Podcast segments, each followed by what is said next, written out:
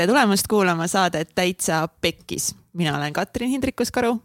ja mina olen Vetemaa Mihkel. ja meie Täitsa Pekkis saates me räägime erinevate põnevate, ägedate, inspireerivate inimestega nende eludest ja mis neil siis siin elus pekki on läinud ja kuidas sellest kõigest siis ikkagist lõpuks võitjana välja tulla tänases saates on meil külas fantastiline Laura, Laura Valk mm,. Laura, Laura, Laura Laura on väga vinge ning ka mõneski oma haridusteel vastuoluline naisterahvas, sellepärast et äh, Laura pärast gümnaasiumi läks õppima Tallinna Tehnikaülikooli Eesti Mereakadeemiasse sellist eriala nagu veeteede haldamine ja ohutuse korraldamine. plaanis siin minna Euroopasse suuri sadamaid planeerima, ehitama, kuid elul on ikka omad plaanid meieni, meile, meieni. Ning äh, tänasel päeval Laura on hoopiski energiaterapeut, kes spetsialiseerub lapsepõlve ja eelmiste elu äh, traumadele, traumadele ning sinna alla kuulub ka näiteks perekonnasüsteemide vaatamine. Äh, ta on oma teadmised omandanud Osho Darshan instituudis ja käinud väga paljudel erinevatel kursustel, ise praktiseerinud hästi palju erinevaid teraapiavorme ning eh, Tao keskuses siis viib Laura läbi maailmas palavalt armastatud Osho aktiivseid meditatsioone, kuhu ka meie Katsiga lähme esimest korda ja. varsti, nii et me väga-väga ootame seda. Ja. ja veel juhendab eh, Laura siis ka naiste praktikaid, kus keskendutaksegi läbi hingamise väga erinevate praktikate just oma kehaga kontakti saamisele. ja, ja Laura on ka kaksikute ema. ja täpselt ja mis mulle meeldib, Laura ise ütleb, et äh, ta siis aitab inimestel üles leida enda väe ja jõu kõikide siis meie traumade ja probleemide alt. enne seda, kui sa seda väga äh, seksikat vestlust saad kuulama hakata, siis meil on väga oluline, suurepärane teadaanne teile, sellepärast et alates eilsest, vahet ei ole, mis see sinu jaoks on, siis meie jaoks eilsest alates on müügil transformatsioonifestival neli punkt null piletid teadliku armastuse paradiis, mis esimest korda siis meie transformatsioonifestivalide ajaloos on nii meestele kui naistele. see on kõikidele. Paaridele, vallalistele mm,, et ehk siis me võtame fookusesse suhted. Kes meil tuleb suhetest rääkima? meil tulevad väga-väga ägedad eh, erinevad eh, paarid, eh, eksperdid ja esimesed, keda me siis välja kuulutame, on Kristel Johanson koos siis Raivo Johansoniga, siis Dali Keter-Karat ja Martin Raadik ja Marlen Annabel Kubri ja Kaido Kubri on meil siis esimesed külalised, keda me siin super early bird pileti müügi ajal äh, siis äh, esitleme. ja praegu ongi kõige soodsam äh, piletihind ja lisaks sellele siis ka saad kaasa tasuta workbook'i, kui sa siin teed jõulushopinguid iseendale, oma mehele, sõbrannale, sõbrale, vanematele ja eriti hea on see, et praegu on võimalik osta ka paaripileteid nii et eriti soodsalt saad osta ka veel endale ja oma kaaslasele baaripileti. ning eh, kindlasti siis eh, tšekake seda, ootame teid väga sinna täitsapekkis.ee kaldkriips seminar. leiate siis praeguse kampaania piletid ja hinnad kõik sealt. aga enne seda, kui veel saate kuulama hakata, siis kui see, mida me teeme, liigutab teid, toetab teid, annab teile uusi teadmisi ning aitab elus paremini võib-olla hakkama saada, siis üks viis, kuidas meid toetada, on äh, patreon.com kaldkriips täitsa pekkis ning tulla meie toetaja pereliikmeks toetada meid igakuiselt siis rahaliselt, et me saaks seda saadet ikka edasi teha hästi ja seksikalt ja vingelt ja veel paremini. ning kui see saade ikka päriselt nagu tõmbas sae käima sul, siis tead mis, jaga seda ühe oma sõbraga või veel parem, jaga seda kõikidega. Instagramis näiteks, no Instagramis saab lihtsalt hästi kõikidega äh, jagada seda, äh, seda saadet ja kirjuta meile või Laurale, et mis, mis mõtteid sa siit endaga kaasa võtad või mis asjadega sa näiteks võib-olla üldse nõus ei ole. et äh, jaga meid, jaga meid, jaga ennast meiega. täpselt nii. jah, nii et head kuulamist, kuulamist tere tulemast saatesse, Laura uh! uus perekonnanimi on Laura uh! tšau. tere. tere. tšau. tšau. saime kohvi ka veel, nii tore. aitäh, Emma. aitäh. kui me ennem Lauraga siin eh, vestlesime, et mis on olnud siis tema elu kõige suuremad eh, väljakutsed, siis eh, Laura nii toredasti ütles, et noh, et terve tema siiani elu kuni siis selle sügiseni on olnud üks suur väljakutse. ja, ja. mis siis alguses, kust nagu, kust nagu asjad hakkasid? kust vasakule läks? Ähm, vasakule või paremale hakkas minema juba ammu enne minu sündimist. sellepärast, et ähm, meil on peresüsteem, nagu kindlasti siin juba räägitud on. ja, ja hing valib endale selle peresüsteemi, kus ta saab oma nagu karmat või oma õppetunde õppida kõige paremini. ja mina valisin endale päris keerulise peresüsteemi, kuhu tulla. ja nii palju, kui konstellatsioonis äh, töid olen teinud, siis enamus asjad läksid pekki viis põlve enne mind. noh, mis see on siis umbes nelisada aastat tagasi. minuga ei ole siin mingit pistmist, aga see supp on läinud paksemaks iga põlvkonnaga, kuni mina sain seda nüüd sööma hakata. ja seda oli päris raske neelata kohati. et äh, jah, ma sündisin perre, kus kooselu ei olnud väga pikalt kestnud. võib-olla seal ei olnudki kooselu, ma isegi ei tea seda aga mu vanemad olid hästi noored. ja teadlikkus muidugi sellel ajal, üheksakümnendad, oli suht selline, noh, laste kasvatamine oli hoopis teine, kui ta on täna. Ja neil vist oli, või noh, mitte vist, aga oligi keeruline suhe. ja lõpuks me emaga kolisime siis Tallinnasse ära ma olen muidu Rakverest pärit. ja noh, sellel ajal oli materiaalselt oli kõigil raske, aga mina samamoodi vist peaaegu kõikide teiste selle aja lastega, siis ma kasvasin hästi nagu üksindustundes, sest vanemad tegid palju tööd. see aeg oli materiaalse edu saavutamise aeg, noh, üheksakümnendad kõik peale seda, et see nii-öelda Eesti rahva, ma ei tea, rikkus või edu on ju sealt pärit. ja, ja siis ma olin, unistasin väiksematest õdedest-vendadest, et oleks kellegagi mängida. ja materiaalses mõttes ongi mul elus olnud absoluutselt kõik olemas äh, aga laps vajab midagi muud sinna juurde. et ma küll küsin nagu jõuluvanalt näiteks mingit nukku, aga kui ma pean sellega üksinda mängima, siis see nukk nagu noh, või ükskõik mis mänguasjad, et siis see on lihtsalt üks asi. ja see ei ole nii äge, nagu oli seal telekareklaamis või ajakirjas, on ju ja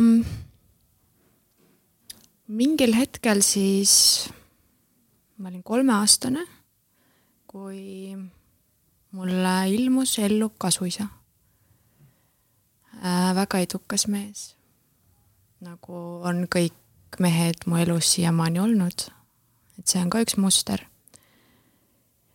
ja tema armastab juua veini noh, mina armastan ka äh,. aga võib-olla see veini joomine oli selline, mis segas meie pere elu ja segas nende omavahelist paarisuhet. et sealt läheb see piir, kus asi nagu võib-olla ei ole enam okei okay.. ja noh, asja ilustamata, siis ma kasvasin ikkagi üles väga suurte tülide keskel ja väga õnnetus kodus. ma mäletan, kui ma kooli läksin, siis mul oli vist kõikidest klassikaaslastest kõige uhkem maja. bassein ja mingid piljardilauad ja, ja tuldi külla, noh, selline baroki stiilis ka, et terve elutuba on punane. ja seina peal on vaibad ja kristalllühtrid on ju. et issand, Laura, sa elad nagu printsess. ja siis ma mõtlesin, okei okay,, et see on nagu noh, et see on see nagu, mis teeb mind eriliseks. ja aga tegelikult seal kodus oli väga palju sellist külmust ja, ja nagu jama, tülisid ähm,.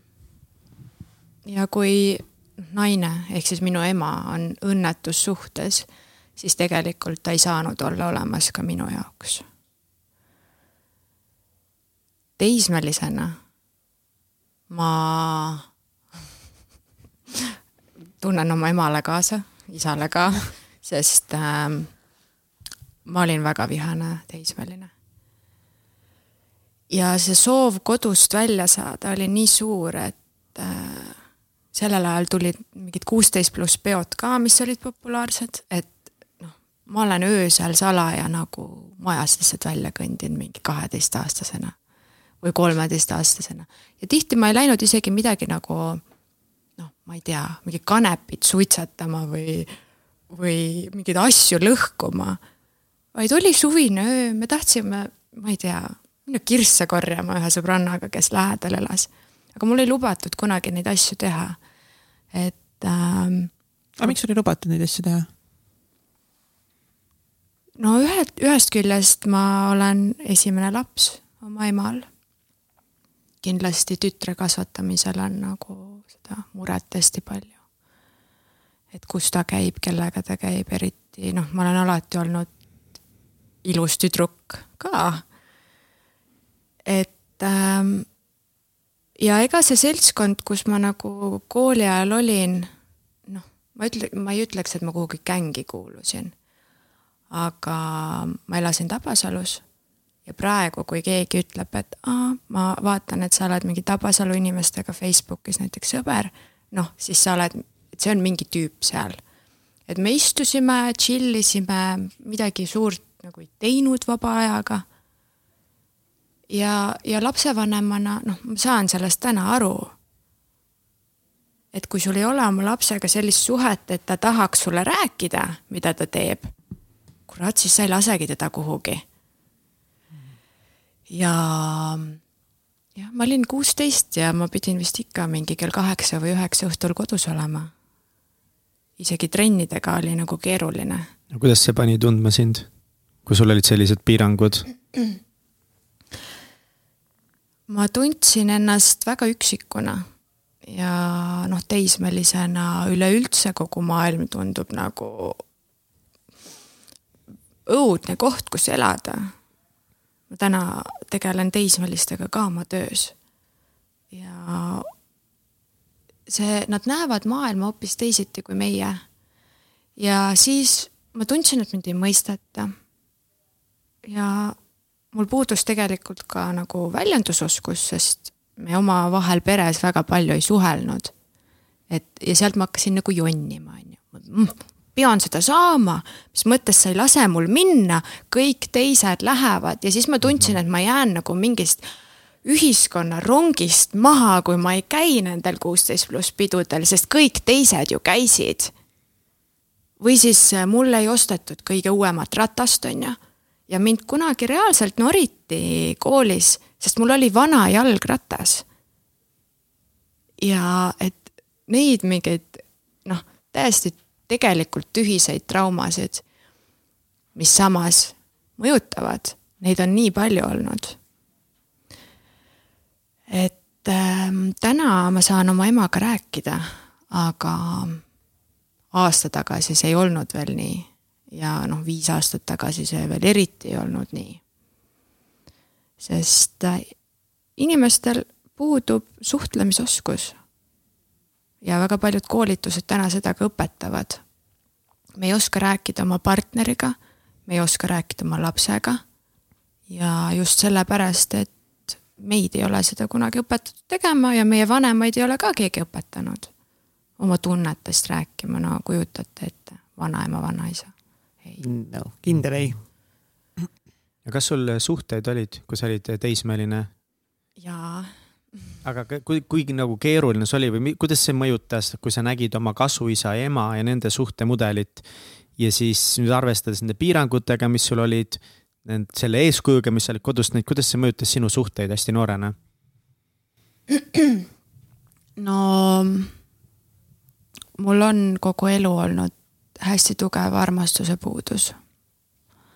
ma olen tundnud, et ma ei ole armastust väärt, et ma ei kuulu kuhugi see on ka üks asi, et mul ei olnud nagu üles kasvades väga palju sõpru. ma tahtsin kogu aeg kuuluda mingist, mingitesse kampadesse või seltskondadesse, kus olid minu silmis need ägedad mm. -hmm.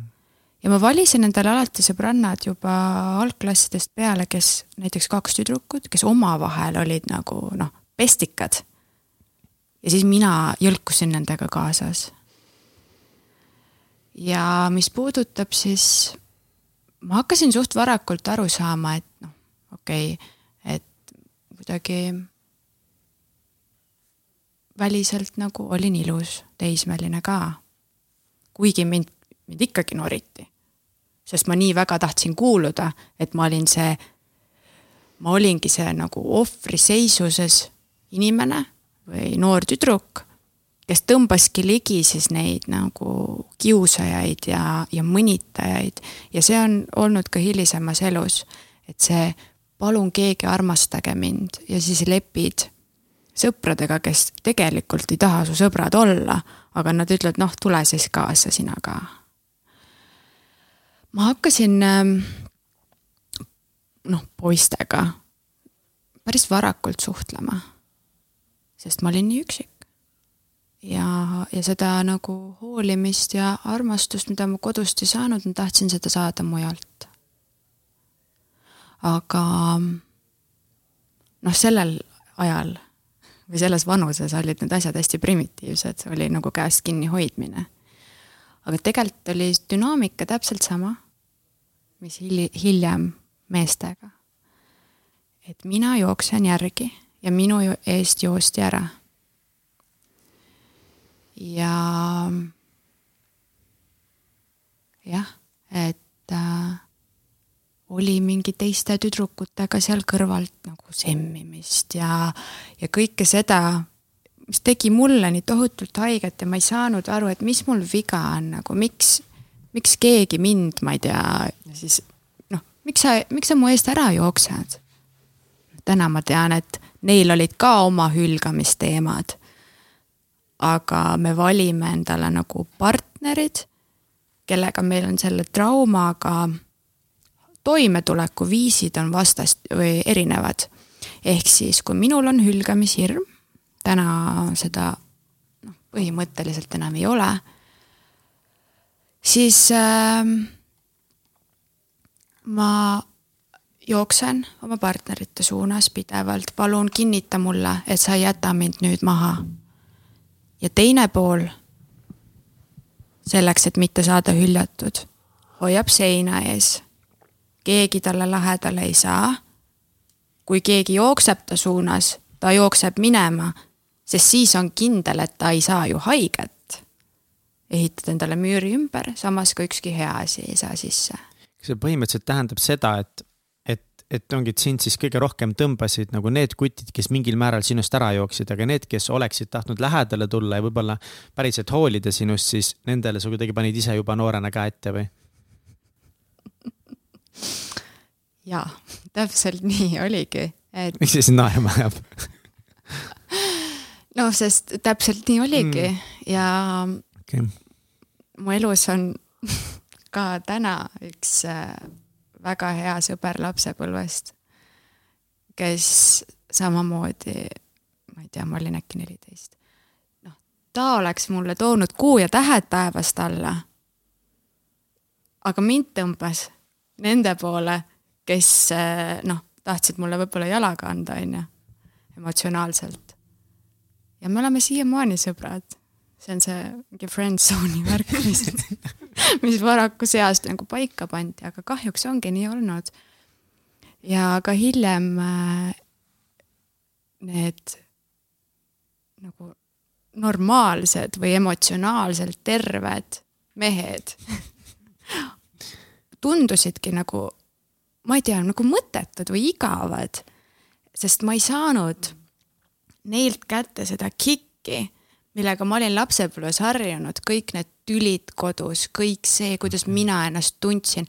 Nad ei andnud mulle seda minu nagu noh, minu nii-öelda narkotsi kätte. ja nad tundusidki igavad ja polnud mitte mingit huvi ja, ja see ongi karm ja neile tekitas, noh, see oli ka muidugi nende teema. et äh, miks nad valivad naisi, kes nende eest omakorda ära jooksevad. Et meil kõigil on tulnud lapsepõlvest midagi.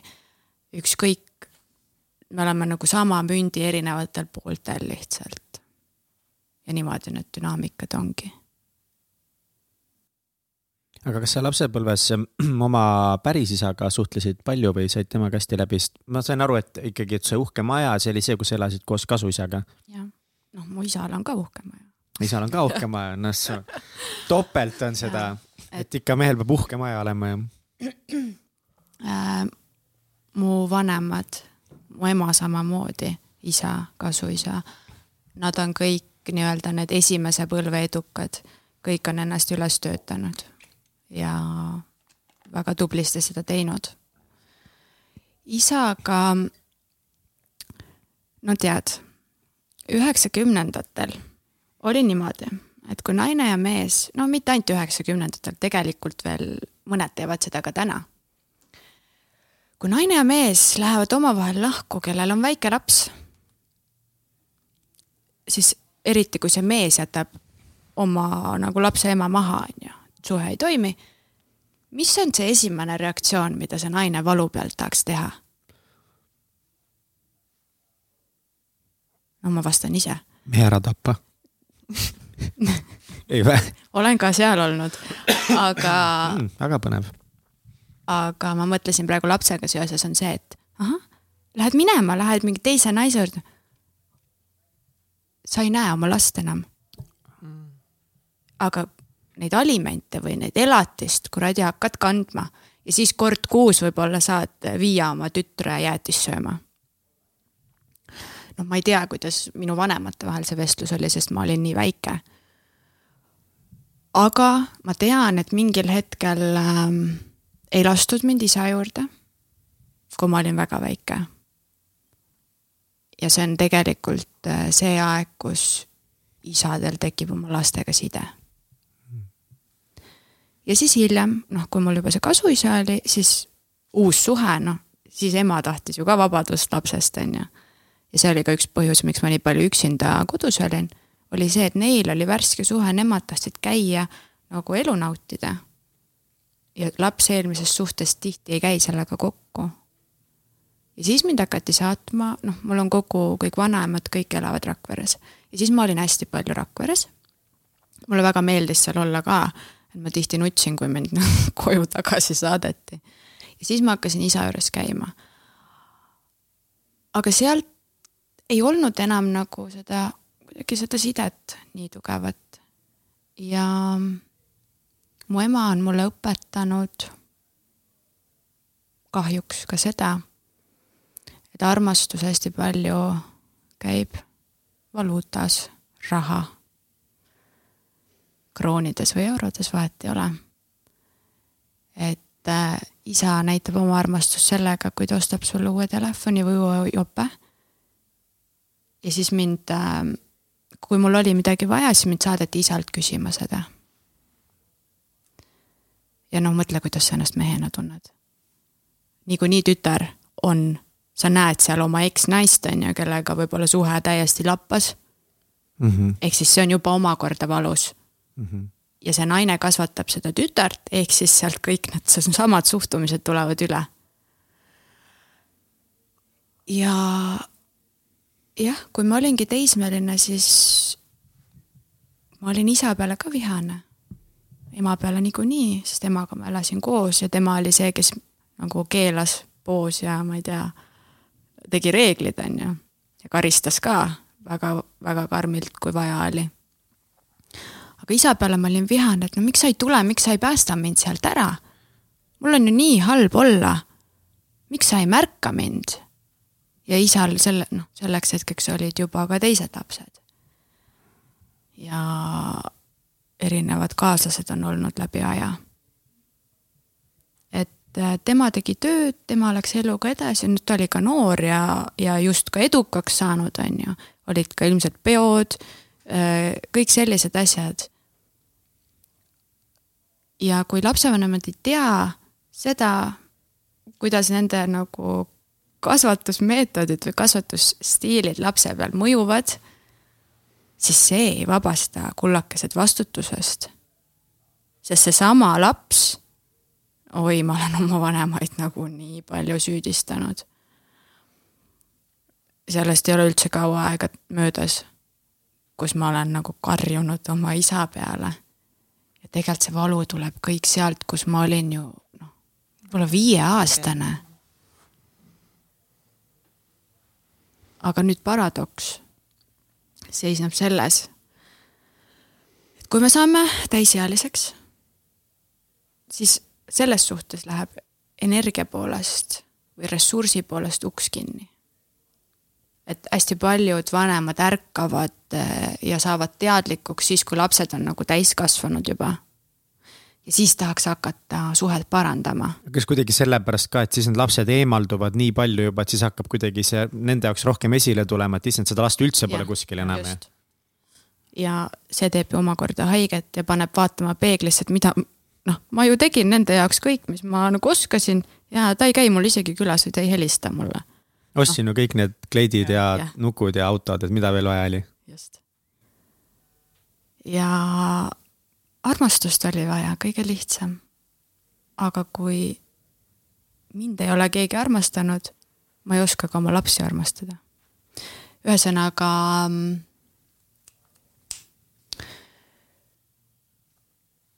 ah,. et kui vanemad ärkavad siis, kui lapsed on juba täisealised ja hakatakse suhet siis lappima äh,, siis tegelikult sa ei saa oma lapsele enam midagi anda ressursi mõttes.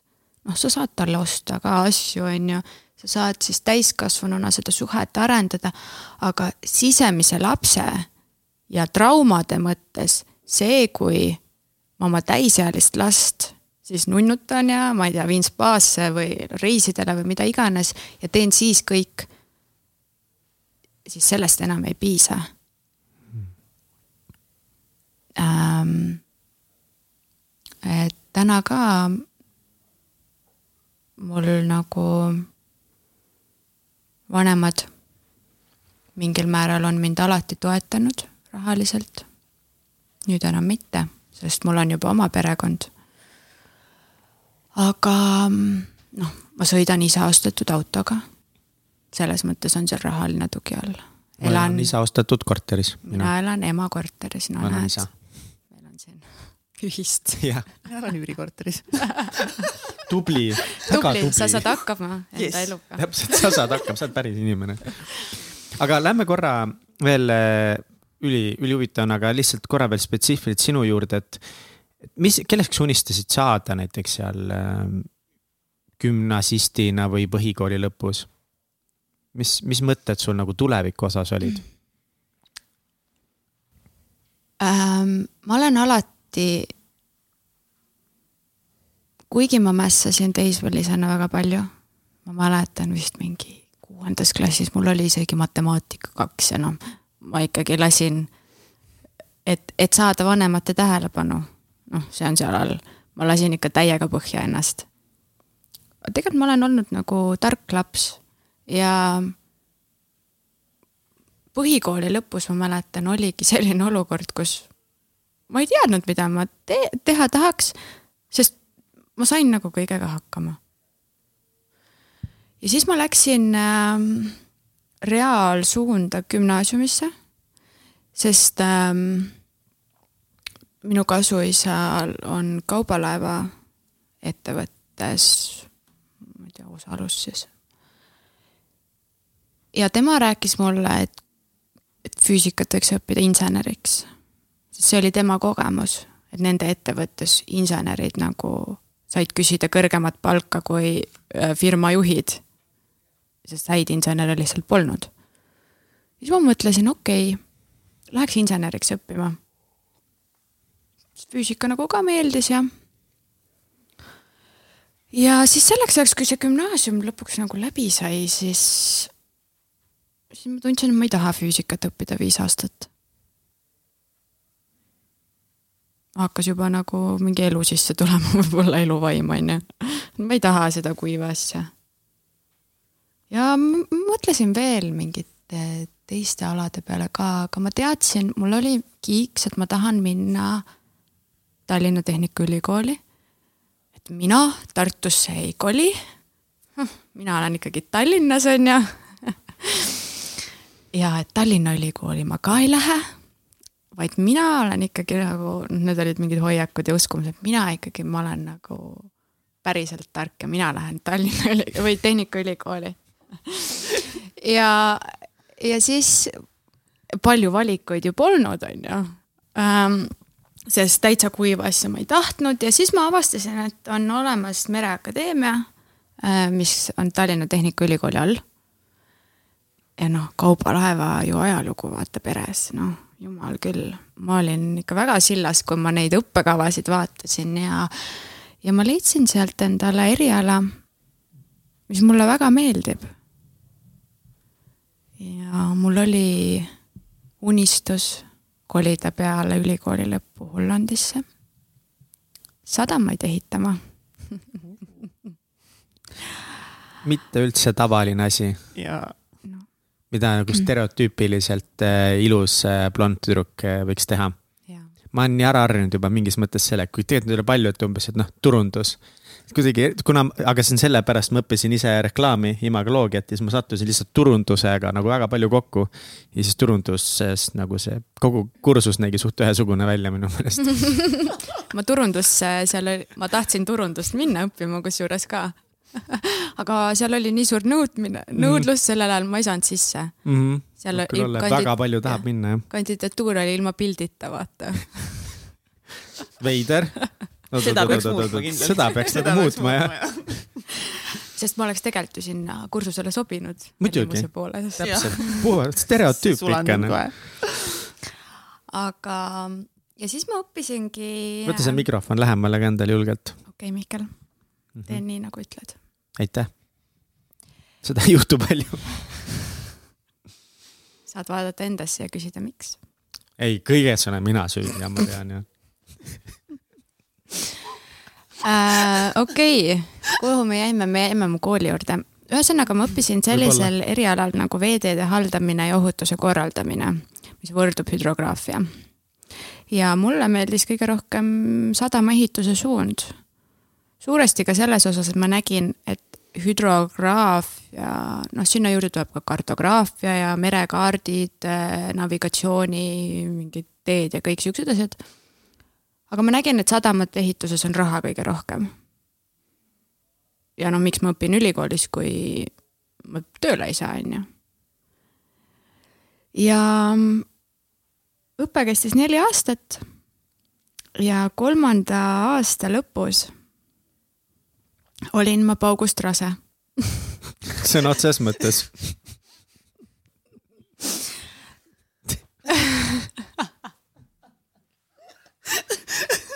Kuule, Mihkel, me üritame siin mingit tõsist asja teha.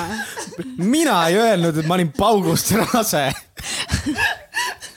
Ei no aga me lubasime, me räägime asjadest ausalt, nii nagu need, noh, nagu olid ja on. no ma arvan, me kõik teame, kuidas lapsi saadakse, tehakse ja, ja, ja kuidas nad tulevad meieni täiega. aga ma olen ja mul on alati, noh, selleks hetkeks ma olin juba palju endaga tegelenud. ehk siis, kui tahad teada, noh, mis, kumb tee on õige, kuigi ma teadsin kohe, et okei okay,, minust saab ema. sisemuses oli see, aga on ikkagi küsimus, et no kuidas see elu siis nüüd minema hakkab, on ju siis mida ikka spirituaalsed inimesed teevad, ma lasin endale tarokaarte laduda ja, ja sealt äh, tuligi siis välja nagu tegelikult minu tänane seis äh,. olid seal mingid sellised kaardid, et äh, see ala, mille peal sa oled praegu, sa ei jää sinna. siis äh, et minust saab iseenda ülemus väga paindliku nagu graafikuga. Mul on igasugune küllus elus äh, niimoodi, et ma ei peagi muretsema. noh, et ma ei pea kuhugi palgatööle minema, et hakkama saada, vaid küllus tuleb ise minuni läbi selle, mida ma teen. ja siis ma ei teadnud. mul on olnud juba mõnda aega mingi teadmine, võib-olla kaks aastat, et minust saab ühel päeval terapeut. aga ma ei arvanud, et see nagu see üks päev nii kiiresti kätte jõuab. Aga noh, kaardid ju ütlesid kaardid ütlesid ka seda, et ma lõpetan oma kooli ära, see oli minu jaoks hästi oluline. ma kirjutasin lõputööd paarikuuste kaksikutega. Nad olid mul süles või toolides. et see oli selline egotripp nagu. mul on vaja kool ära lõpetada. aga paralleelselt viimase selle lõputöö kirjutamise ajaga, ma ei tea, mis mul viga oli, hakkasin ma õppima ka siis terapeudiks ja, ja niimoodi see läks. kuna Eestisse noh, miks ma üldse Hollandisse tahtsin minna, sest Eestis ei ole väga palju töökohti, on Veeteede Ametis mõned töökohad, aga no lõpetajaid tuleb koolist rohkem peale, kui seal neid töökohti vabaneb. ehk siis oma erialal mul tegelikult nagu tööd ei olekski. Ülikooli viimasel aastal rasedana, siis ma läksin joonestajaks tööle geodeesiaettevõttesse. ja jah et see võimalus nagu lihtsalt see uks ise sulgus mingi hetk ja kõik asjad kuidagi läksid nii naturaalselt ja nii orgaaniliselt. kuigi ma läksin sügisest hmm, Mereakadeemiasse siis magistrisse oh,. Wow. Siis ma käisin seal kaks päeva. ja sain aru, et see oli ka egotripp. selle taga oli, et vanemad, märgake mind sest noh, minu vanemad on olnud alati uskumusel, et päris, päris eriala peab olema mm. -hmm. et need noh, mitte et solvata kedagi, aga et need küünetehnikud ja, ja kõik sellised mingid massöörid, et see ei ole nagu mingi päris töö. et peab olema kõrgelt haritud. kõrgelt haritud, edukas, just, et noh mm -hmm., nendelt tuleb see sealt uskumusest, et siis sul on turvaline elu jah, nende siis, elu nagu just, kogemus on seda näidanud, statistika selle aja kohta ongi, et kõrgelt mhm. haritud nagu nendel oli kõige turvalisem, kõige parem ju. jah. ja just millalgi oli emaga jutuks, et kel, mu laste isa küsis mu ema käest, et noh, et kelle laps siis Laural rohkem oli, et issikas või emmekas, siis mu ema ütles, et no Laura on ikka iseenda laps olnud väiksest peale. et ma olen nagu läinud täielikult vastuollu kõikide, kõigega peaaegu, mis on mu peres olnud. varem ma tegin seda nagu noh, niimoodi no poolvägivaldselt või vägisi ja jonnides. aga täna ma saan aru, et see ongi minu tee ja mul oligi vaja sealt välja murda. Sest kui ma täna töötaksin no veel hullem kuskil laeva peal või kontoris üldse kaheksast, ma ei tea, viieni ma oleksin megaõnnetu. lihtsalt, ma ei tea, täiesti närbunud ilmselt. kuidas see vaimsus või spirituaalsus üldse jõudis sinuni, et, et nagu olgugi, et äh, jõuame ka selleni ka, mis sa nagu täna teed ja kindlasti räägime nagu suhetest, aga minu jaoks oli just huvitav oli see, et, et äh, sa ütlesid, et juba siis, kui sa seal ülikoolis olid, et siis sa olid juba spirituaalne, et juba lasid endale tarokaarte äh, seada või kuidas iganes see terminoloogia on. et kuidas sa üldse jõudsid selleni, sest tundub, et lapsepõlves sa nagu sellist mõjutust ei saanud, see oli ikkagi väga materialistlik ja realistlik maailm, kus sa olid pragmaatiline, kõrgharitud ja ettevõtted ja mm. -hmm. No ma olin veel aasta aega tagasi, ma olin veel ülikoolis, et see ei ole kõik nii noh, ma ei ole kolmkümmend, et ma räägin, oi, seal ülikooli aastatel. No.. ta ei ole mingi kolmkümmend on ju noh. Ah, sa oled ka nüüd issand uh. Jah, no sa oled juba üle, jah ah,. et jah, ma olen, ma olen noor ja minu elus on need asjad nagu toimunud väga kiiresti okei Mihkel läks välja selle Mihklil on see väga helde teema see oli nii naljakas. ei, see, ma olen, ma olen, ma, ei, mul on kõik chill, sest see oli nii naljakas, ei no mina olen veel noor ikkagi. ma ütlesin, ma olen nii noor. sa ei tee paremaks. ähm,. ühesõnaga, ma lõpetasin ülikooli alles suvel. Et see ei olnud mingi mega kaua aega tagasi mm. -hmm. Ähm, ma jõudsin äh, spirituaalsuseni, nagu ikka jõutakse läbi selle, et pekkis oli, noh, valus oli, väga halb oli olla. ja siin me jõuamegi suheteni. sest ähm, kohe, kui ma sain kaheksateist, siis ma kolisin kodust välja as soon as possible.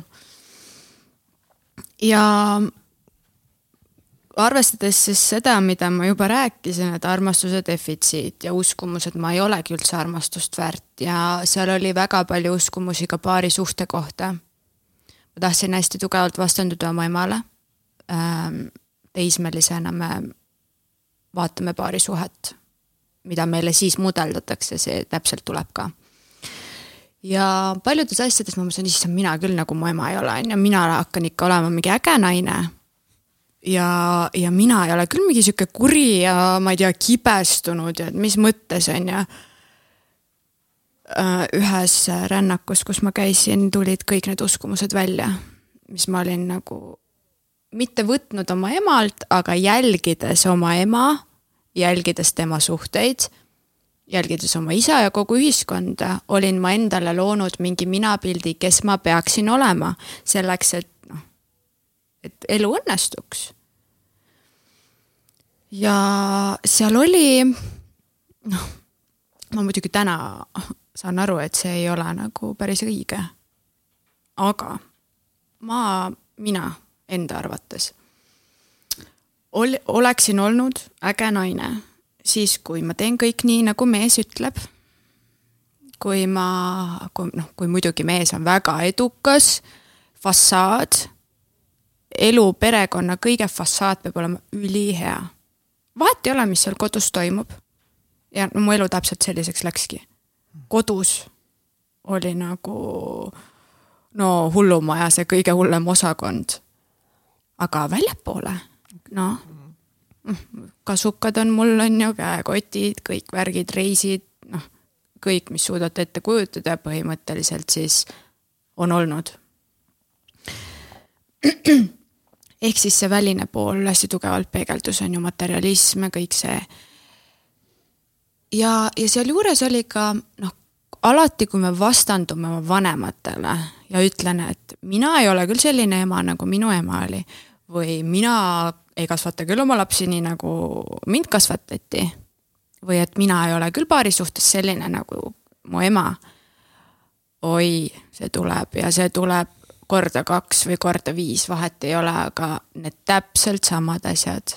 sest kui ma ütlen sellele ei, selle asemel, et öelda, et okei okay,, mul tegelikult võib ka nii olla, mida ma saan teha. kui ma panen selle ukse nii-öelda pauguga kinni, sealt hakkab tulema ja mingil hetkel ma sain aru, et need uskumused tegid mind väga õnnetuks, see oli nagu puur, mille ma olin iseendale ümber ehitanud. ja ma üritasin olla keegi teine, see üliseksikas naine. ma ei tea, kui palju ma olen oma eelmisi kaaslasi nagu pesus oodanud ukse peal onju või mingi mantel ja tõmbad ennast paljaks. ja tegelikult suhe oli mega õnnetu aga ma tegin kõiki neid asju, sest ma arvasin, et see on nagu tee õnneni või et nii on õige. aga see oli selline väga nagu meest kummardav ja, ja ega ma eelmiste äh, suhete ajal tööl ei käinud. mind on alati mehed üleval pidanud. samas ma olin ka rumal, ma kulutasin selle kogu raha ära, sest mul oli ka väga suur selline, ma sain õnnetunnet nagu shoppamisest kas see siis, see nüüd nagu seob siis kuidagi selle lapsepõlvega siis kokku veidi, et kui yeah. sinu isa nagu Ostab oli, ostis asju. sulle asju, et mis Just. see on see, okei okay.. kui mehed ostavad mulle asju, siis ja see on täna ka nagu noh, ma ei hakka siin ennast paremaks valetama, et täna on ka minu armastuse üks keeltest on, et äh, žestid ja, ja kingitused ja nagu selline tee, noh, teenimise pool või selline, et kui minule midagi tehakse. Ja kogu selline fassaadile ja õhulossina üles ehitatud suhe. ma olin kaheksateist, on ju, väga tahtsin kodust välja saada, sisemiselt väga vihane, meeste peale ülivihane, sest ma olin olnud vihane oma isa peale. Ja konstellatsioonitöödes on selgunud, et see, just hiljuti käisin täpselt selle teemaga, viha meeste vastu algas minu emapoolsest suguvõsast, mu vanaema vanaemalt ehk siis viiendast põlvest. no on ka erinevatest nagu allikatest välja tulnud, et ta oli mingi sihuke nõia, nõiaproua kibestus mingil hetkel ära, aga hakkas mehi vihkama, no ei tea, võib-olla sellel ajal vägistati või mida iganes temaga tehti. kuidagi on teda piinatud ka. Ja seal toimus mingi alateadlik otsus, et mehed on halvad ja meil on mehi vaja ainult selleks, et lapsi saada. või selleks, et äh, oleks mingi materiaalne teema, on ju. aga muidu, et need mehed on nagu siuksed eh., et me ei ava neid, me hoiame distantsi, kõik see ja see on tulnud siis üle põlvede noh, kõigile edasi äh,. jah, ja noh, tegelikult on ju naisel on vaja meest ja mehel on vaja naist. ja kui me oleme ikkagi suhetes, kui ma otsustan olla suhtes, aga mul on selline alateadlik nagu programmeering, et mehi, ah mehi ei saa usaldada. jah, see oli hästi tugevalt et nad tahavad mulle tegelikult nagu halba põhimõtteliselt. aga samal ajal ma ei kehtestanud üldse oma piire, mul ei olnudki mingeid piire lapsepõlvest. siis äh, kogu nagu see pool jah, et see asi oli nagu noh, nagu me valaksime kogu selle ruumi siin bensiiniga üle. ja siis ootame, et keegi tikku tõmbab ja see oli minu igapäevaelu aastaid, aastaid, aastaid. paarisuhe oligi mm -hmm. selline. ja ma olen olnud äh,, ma ei tea, Dominikaani vabariigis kõige ilusamas rannas, üksinda ulgunud inimesed ümber, noh, tõesti minu jaoks maailma kõige ilusam koht, on ju. ja ma tundsin ennast seal nii üksinda. sest ma olin just äh, pool tundi tagasi peksa saanud oma kaaslaselt ja keegi mind ei aidanud. ja samas mul ei olnud ka tööd. noh, ma ei saanud ja ma ei tahtnudki öelda, et käi perse, minuga niimoodi ei käituta. vaid see oligi, see oli pidev dünaamika. Ohver, agressor, kord oli üks oli ohver, kord oli teine ohver, siis olid mõlemad agressorid ja nii edasi, on ju. kui sa ütled peksa saanud, siis mida sa nagu selle all silmas pead? no Äh, üks minu suhe kunagi ammu lõppes kohtus. seal oli, ma ei tea, ligemale kümme erinevat episoodi, kus olid kutsunud naabrid politsei, kus olin ma ise kutsunud politsei ja see oli ikkagi koduvägivald at its finest ähm,. ma olen istunud Prantsusmaal kuskil Pariisis lennujaamas politseijaoskonnas, sest mind löödi lennujaamas kaamerate all ja peale kahenädalast reisi, kus oli olnud hästi palju alkoholi, väga palju tülisid pingeid, mul viskas kopa ette ja ma läksin turvamehe juurde, ütlesin, kuulge, mul on abi vaja äh, eemaldage see mees nagu. ja siis kõik need, äh, noh, Prantsusmaal naistevastast vägivalda ei sallita. siis terve see jaoskond seal, kõik tulid. näita, näita talle ka oma sinikaid. ja siis ma näitasin ja mul oli, tegelikult oli kogu keha sinine. et äh, peksa saamine on ikkagi nagu see. Ma olen arvanud korduvalt, et nüüd ma suren ära. et mind tapetakse ära. mis sa, mis sa teed sellel hetkel? nagu see on üks, ongi nüüd tegelikult väga palju, mis sa oled täna juba rääkinud nagu sellest nii-öelda ongi nendest põhimõtetest või nendest mm. nagu põhjustest seal taga ja sellest vundamist lapsepõlvest, et ma nagu saan sellest aru ja ma olen seda rohkem kuulnud ka, aga võib-olla ikkagi uuesti nagu seleta seda mulle, et. et ongi, et mis see hoiab nagu ikkagi naist selles olukorras nagu kinni, et nii, nii lihtne ongi see kõrvalt ikkagi öelda seda, et nojah, aga et umbes, et no miks sa ammu ei läinud, on ju, tule on ju ära, eks ole, et, et mis see siis nagu ikkagi on tule ära, jumal küll appi, noh, kohutab ju nii kurm ja karm. sellistes olukordades nagu on füüsiliselt küll nagu pigem võib-olla vaimsema, vaimsema poole pealt, aga ongi sellist, et läheb paremaks. ja uskumus nagu, et ja. läheb paremaks või? et see nagu noh, ongi, ta palub vabandust äh, ja kiidab sind jälle taevani ja, ja siis äh,, siis sa kuidagi annad andeks. noh, no füüsilise vägivalla puhul ma ei, ei nagu ei kujuta seda, seda ette. no noh, ma ei oska samastuda võtta sellega.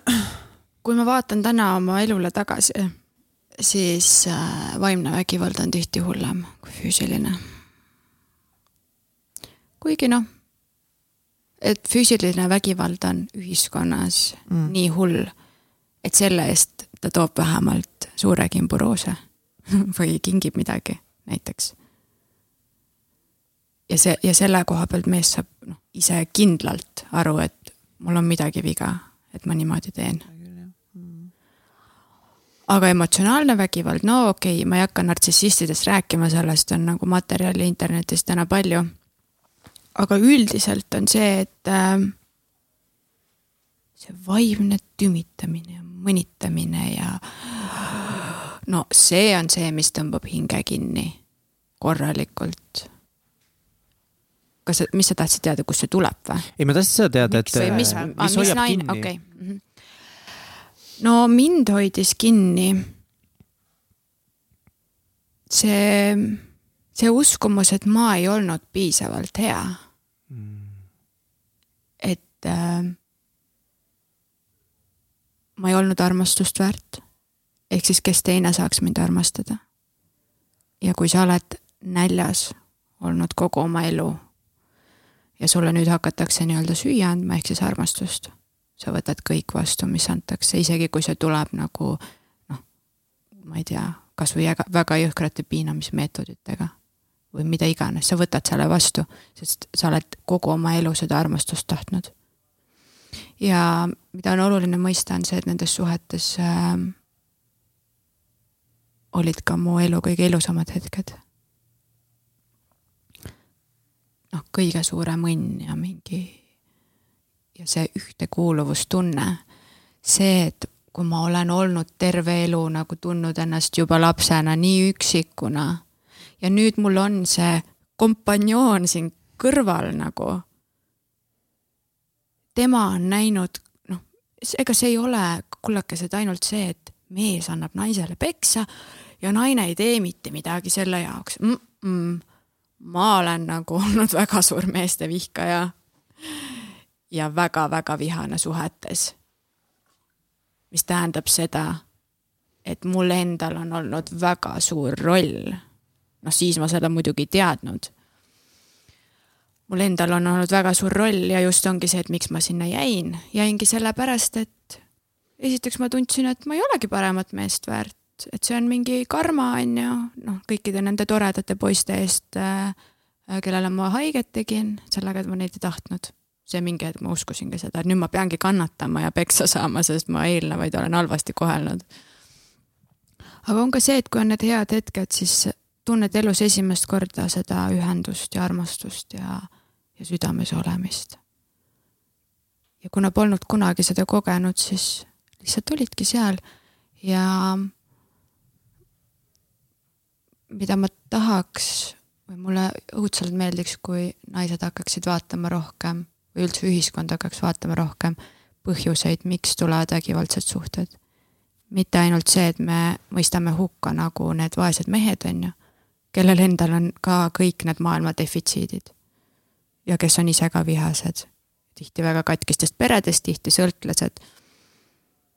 et neid me mõistame meedias ja igal pool, lööme risti, on ju, et kohutav naisepeksja. aga kes teda kasvatasid? samamoodi siis põhimõtteliselt peaks risti lööma tema vanemad ja vanavanemad ja siis me lööksime risti kogu ühiskonna, sest me oleme kõik üks. mehed on sama katki kui naised. ja ma olen ise, noh, ma olen ise löönud mehi palju, võib-olla isegi rohkem, kui mind on löödud. jah yeah. aga lihtsalt mees lööb valusamalt, on ju milles veel see sinu, sinu konkreet-, sinu enda näitel see meeste vihkamine on väljendunud? või see viha ja see ähm,? milline on... sa ise olid nagu suhetes äh,? mul on olnud alati nende vastu mingi nõue. Nõue ja nagu ma olen eelnevat justkui siis oma nagu esi, esiemade võlgu sisse nõudnud alateadlikult. et äh, nemad on olnud meeste peale vihased ja keegi me pole saanud ja tegelikult Naisliinis see armastus oli ka kinni sealsamas viiendas põlves. ehk siis ma olen nagu nõudnud meestelt siis kõike seda, mida ma ei ole saanud kodust. aga kui see on, noh, kui me räägime siin sisemise lapse tasandilt, on ju, siis meil on koos kaks kolmeaastast või kaks nelja-aastast, kes liivakastis kaklevad omavahel yeah.. ja siis ma nõuan talt, et ole mulle isa, ole mulle ema Mm. tema nõuab minult. see on ju täiesti jabur mm. -hmm. see on ajuvaba äh, Õnneks maailm liigub nagu kõrgema tead-, teadlikkuse ja teadvuse poole, et neid asju hakatakse teadvustama. Aga sisemise, see ongi, noh, sisemine laps on nagu nii üksik ja nii haavatav, et, et mida laps teeb, kui ta ei saa, mida ta tahab. Ta jonnib, teismeline mässab ja see kõik tuleb suhetes välja. ja noh, suhted on ikkagi ju meie peeglid, on ju, ma ei, täna ma ei, täna ma ei satu kokku elama, ma ei tea, padunarkomaani või ma ei tea kellega. sest see ei ole täna enam mina, need, need väga suured valud minus on ära tervendatud. ja seal ei ole mitte mingit pistmist, noh mul olid järjest äh, äh, järjest ka siis, kui ma koos ei elanud, kuigi mul on alati olnud nagu mingid mehed ümber. et mul ongi olnud see, et ma nagu olen vihanud seda, et ma kuradi sõltun nendest, onju. Sest ma uskusin, et minu heaolu sõltub meestest.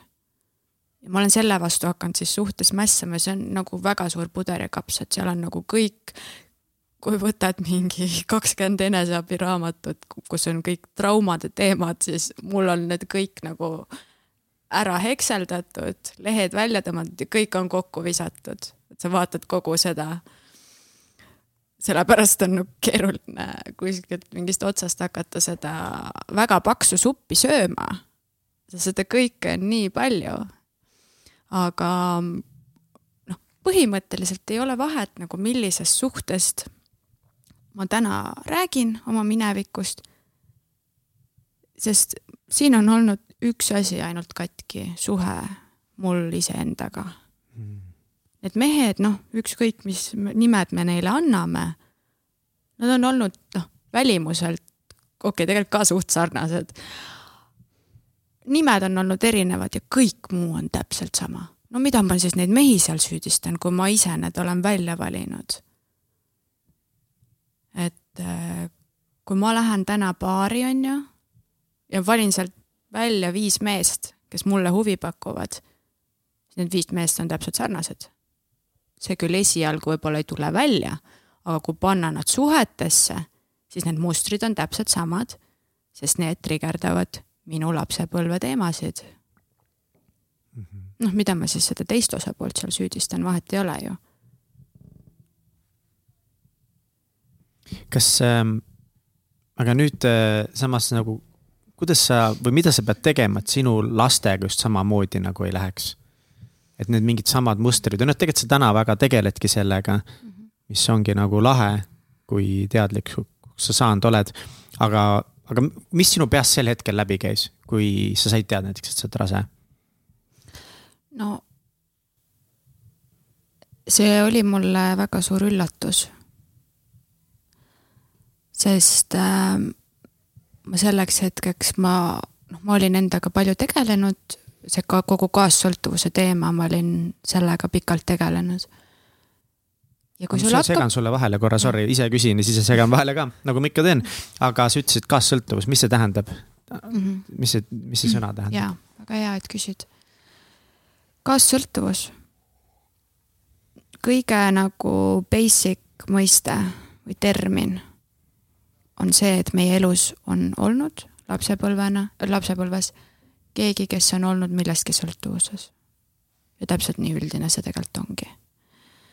noh, esimese asjana tuleb, no näiteks kui on olnud isa alkohoolik ja ma ei räägi siin ainult sellest alkoholismist, et ta joob, ma ei tea, kolmapäevast pühapäevani. vaid see on ka igaõhtune nagu, mis on alkohol või üldse narkootikumid, kõik muu, on viis, kuidas tuimestada oma valu. Kuidas ära minna, mul on praegu siin nii halb olla, et äh, ma tahan äh, ennast täis juua, siis on kergem, on ju. ehk siis üks meie lapsevanematest on põgenenud kuhugi. ja siis on see teine lapsevanem, on olnudki see kaassõltlane ehk siis sõltlase kaaslane ja on olnud sõltuvuses oma kaaslasest ja tema sõltuvusest. Ja kaassõltuvusega käib hästi tugevalt kaasas tunne, et ma ei vastuta oma heaolu eest. ja mõttelaad või mõttemuster, et kui tema teeks ennast korda, oleks meil suhe nagu suurepärane. ma ei tea, kui palju ma kunagi olen neid mõtteid mõelnud, et kui tema ainult lõpetaks selle joomise ära nagu. Kui ta ei käiks sõpradega, kui ta ütleks sõpradele ei, ma ei tule teiega kolmapäeval välja, siis oleks kõik hästi. selle asemel, et küsida, halloo, Laura, mis sul viga on, miks sa siukse mehega koos oled, kes nagu ilmselgelt kohtleb sind halvasti mm. -hmm. ja tihti ongi niimoodi, et kui, kui me räägime näiteks alkoholismist et kui see alkohoolik siis võtab ennast kätte, ravib ennast terveks või noh, lõpetab vähemalt oma reaalsuse eest põgenemise ja hakkab oma valuga tegelema, siis tema kaaslane, oi, tema läheb hulluks. enam ei ole ju kedagi süüdistada. ja siis hakkad aru saama, et ma olen nii vihane. seesama mees ajab mind ikka närvi, aga, aga ta tegi ju ennast korda. ja siis hakkad aru saama, et mina tegelikult olen ka haige kaassõltuvus on ka väga tõsine haigus. Sellest ei saa ühe või kahe teraapiaseansiga lahti. ja kui ma täna vaatan äh, näiteks, milliste meeste peal minu pilk peatub seltskonnas või üritustel, siis nad on ikkagi veits nagu emotsionaalselt ära olnud. ja see on nagu täiesti, see on noh, nagu lõhna järgi lähed, tunned, et tunned saialõhna ja sa ei näe seda pagari töökoda ja kõnnid edasi viissada meetrit ja seal on see koht, mille lõhna sa tundsid. et ma olen täna ka veel tervenemas sellest. see lihtsalt ei ole enam nii hull ja kogu selle teadlikkuse juures ma saan valida, et noh, ma ei lähe selle mehega rääkima või ma ei vii temaga nagu asju edasi, sest ma näen kõiki juba noh, kui sa juba esimesel kohtumisel näed või siis näiteks mehed, kes on suhtes. ka kogemused olemas. et sa ei lähe temaga edasi, sest sa tead, et see trigerdab sinu mingit lapsepõlve teemat ja see ei ole see, mida sa täna oma elus tahad. aga kaassõltuvus, kui mina selle teemaga nagu noh, enda sees pihta hakkasin ma alustasin raamatust Naised, kes armastavad liiga palju, keda kõnetab, väga soovitan noh, praegu nüüd on juba äh, olemas, on mingi valge kaan-, kaanega mingi kaassõltuvusest vabaks raamat, ühesõnaga täna see teema on nagu veits popiks läinud, noh, mis on väga hea.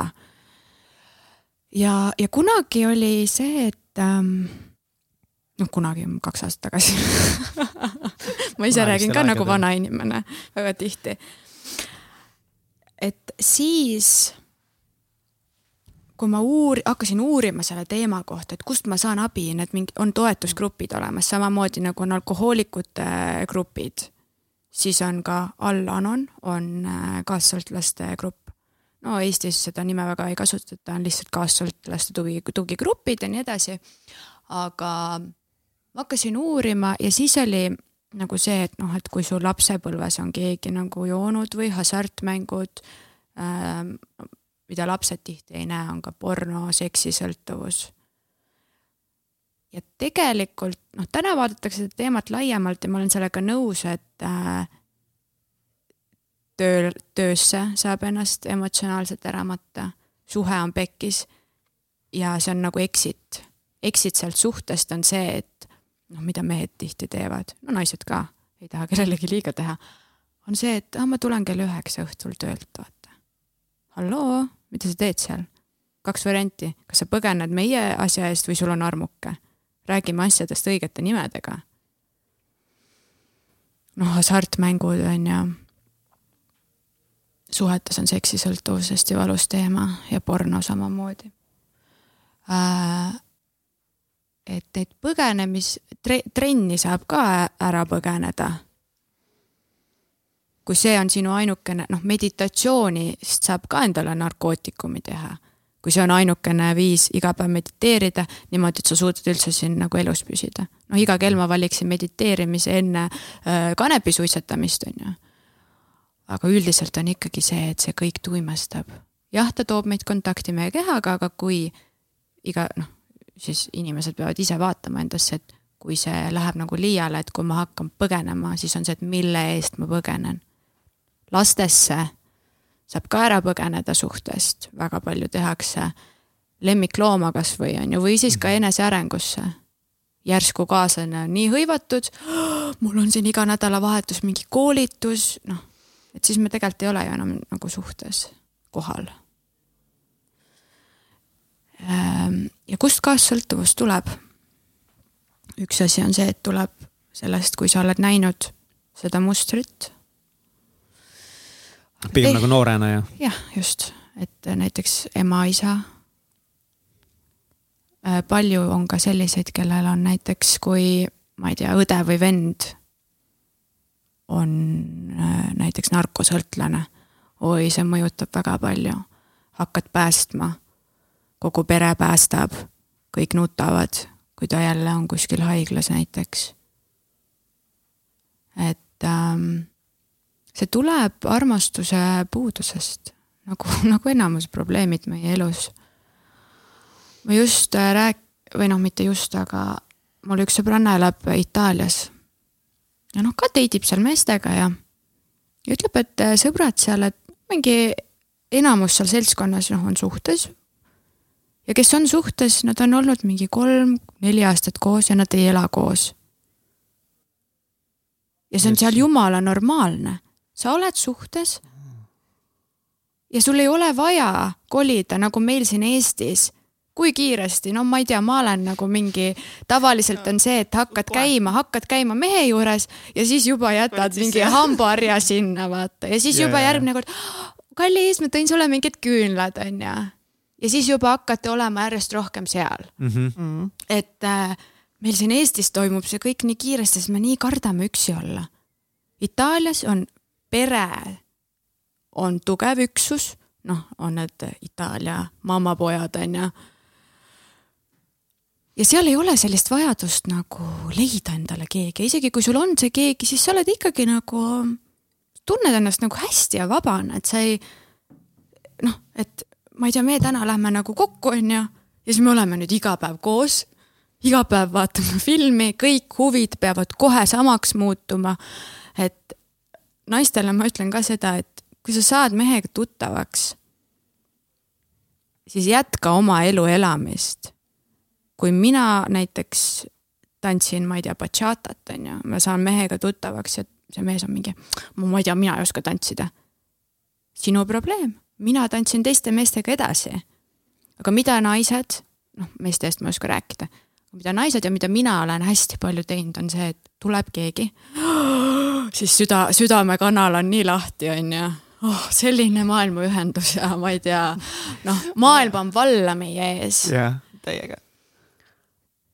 siis mina, ma olen hakanud siis tegema endal graafikut vabamaks. Noh, täna ma ei tee enam seda, sest äh, ma ei taha sattuda sellesama reha otsa, aga teed endal graafikut veits vabamaks, juhuks, kui ta kirjutab, tšau, mis homme teed, siis ma tahan ju homme vaba olla, kui see mees mulle kirjutab. ma ei taha, et mul oleks mingi kohustus. jäävad äh, unarusse sõbrannad.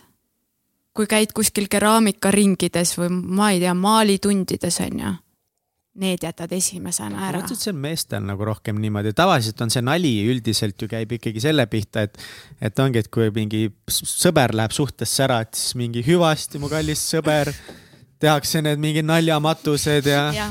amen, ta oli kallis sõber, nüüd ta on läinud ja oh. ja ma olen ise nagu selline kuidagi olnud, et noh, et noh, mul ei olegi enam nii palju aega, ei saagi sõpradega olla ja ei saa värki, aga no aga. ja nee. kuidas need suhted on sinu jaoks lõppenud siis, Mihkel? no ma olen vallaline. no täpselt. noh, et sellest me räägimegi ja see ongi ka see, see noh, see on kerge kaassõltuvus, aga lõpuks, kui klammerdud selle suhte külge, siis me räägimegi siin ju sõltuvusest. ma olen sõltuv mingist teisest inimesest ja noh, naised, kuna mehed nii-öelda jahivad ja naised siis, ma ei tea, annavad ennast mingist hetkel kätte, onju.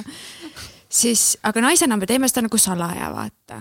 et ma ei ütle sulle ju, et kuule, ma olen siin kolm päeva su kõnet oodanud, nii tore, et helistasid, see ei ole ju seksikas mm. -hmm. vaid ma ikkagi teen ennast huvitavaks, aga tegelikult hoitakse oma nagu kalender suht vabana ja kaotad iseennast ära. ja siis ongi öeldakse, issand, ma ei tea üldse, oled, ma ei tea, viis aastat suhtes, et ma ei tea, kes ma enam olen. sellepärast ei teagi, et sa jätsid ise vabatahtlikult kõik oma huvid. eriti siis, kui teil ei ole kaaslasega samad huvid. et nüüd me hakkame tegema ainult asju, mida me teeme koos, mis sulle ka meeldivad. ja siis mingi hetk suhe hakkab käärima sealt, kui üks pooltest siis, kelle hülgamise hirmuga diilimise mehhanism on see, et ma hakkan põgenema noh, kui see, tihti see juhtub suht varakult, kui tuleb see päris nagu noh, nii-öelda armastuse tunne, siis on see, et oi raisk, siit võib haiget saada. ja siis hakkad neid exit eid otsima, on ju. hakkad sõltuma millestki muust, sest noh, trenn ei saa sulle haiget teha. aga kui sa väga armastad oma kaaslast, tema ju saab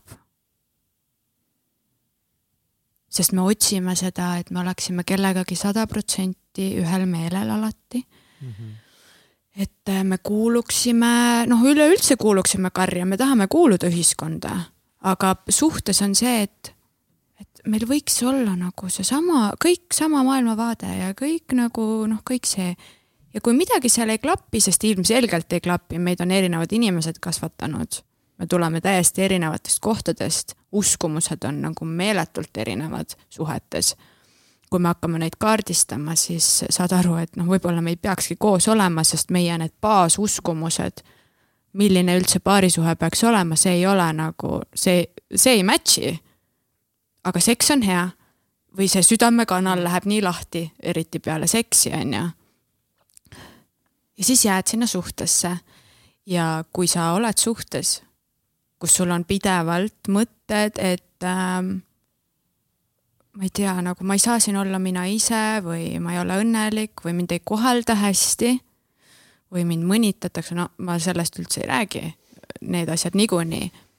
ma ei saa olla mina ise ja tuleb mingi pidev jama, kui ma nagu tegelen muude asjadega.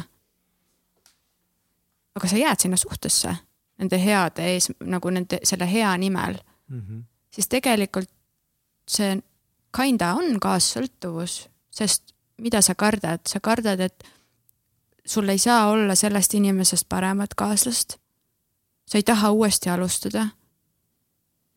ja, ja noh, tegelikult ju ei taha üksi olla. jube halb on talvel üksinda magada, noh, jõulude ajal. aga äkki ta ikka oligi the one on ju minu jaoks. jah.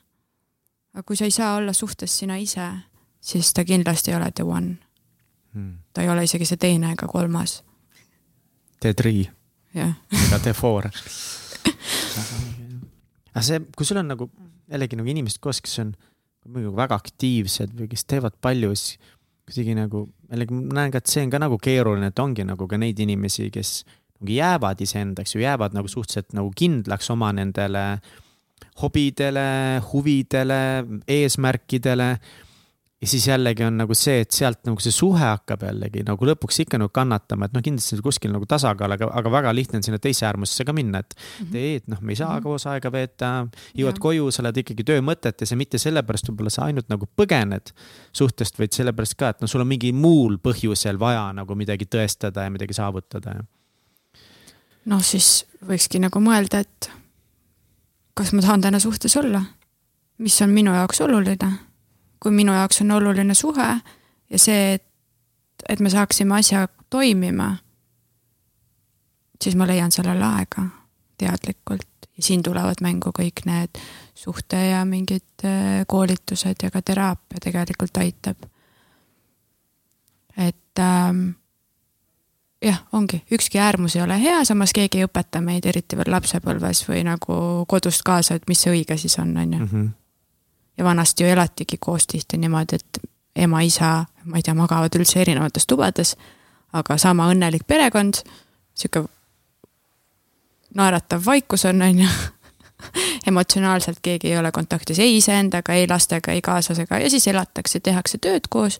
noh, see on täpselt see. Täna me tahame sellist hingelist ühendust.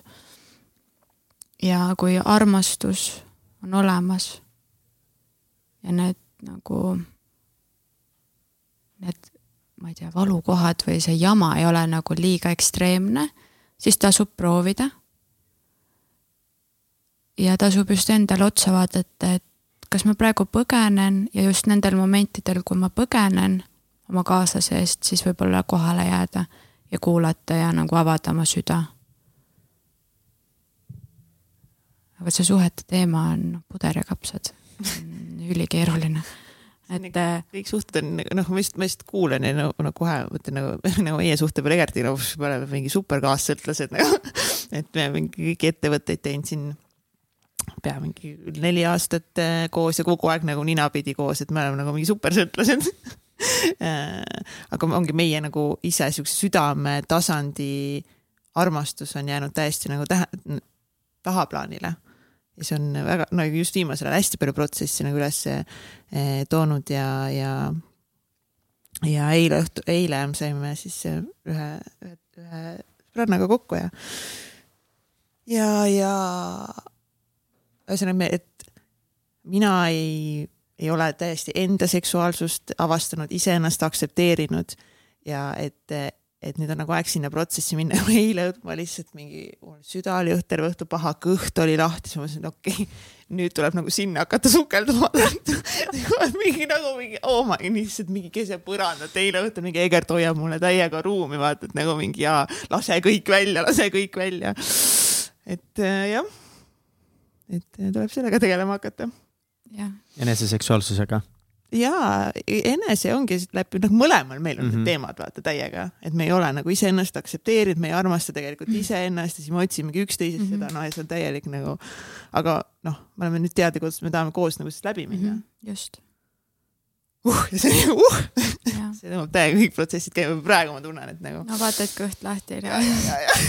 ei, praegu on fine, praegu, praegu on on turvaline teiega sõbrad professionaal ikkagi oskad siin ma eile juba protsessi nagu suure, suurema osa ära, aga ikka nii kui see teema jälle tuleb üles, siis on nagu mingi okei. Okay.. just jah, see teiselt kinnituse saamine, et, et kui me oleme koos, siis on kõik hästi. jah. igalühel omad. No kõigil, kõigil on ja, ja millest mina olen aru saanud, on see, et noh, ka kliendid tulevad ja mul on sihuke teema on ju, siis ma ütlen, no palju õnne, võta järjekorda, kõigil on täpselt needsamad teemad. et see lugu, mida mina räägin siin täna, noh, mõelge, palju maailmas inimesi on ja, ja mis maailmas toimunud on alates nagu kõikidest aegade algusest, siis täpselt seesama lugu mingile terapeudile kõlab võib-olla seitse miljonit korda, on ju, või rohkemgi mm. -hmm. et me ei ole keegi üksi oma muredega ja miks me siis peaksime nagu üksi nendega jääma, ei pea. ja neid ei pea nagu häbenema ka, et võib-olla nagu Eestis eriti veel see, see vaimse tervise teema, terapeudid, psühholoogid, et seal on mm. seda, mingit valehäbi on ka nagu palju juures, mis tundub, et läheb ka nagu väga palju paremaks ja juba. no seepärast, et on mõjuisikuid ja nagu ka sina, kes noh, avavad ja jagavad palju rohkem seda teemat ja tekitavad seda nagu normaalsust sinna taha, et see on normaalne mm, -hmm. see ongi okei okay,, see on normaalne, esiteks on normaalne, et noh, mingis mõttes normaalne, et sul on üldse need probleemid. teiseks on normaalne nendega tegeleda, et see ei ole, see ei ole ebanormaalne, kui sa tunnistad neid probleeme, kui sa tegeled nendega. just.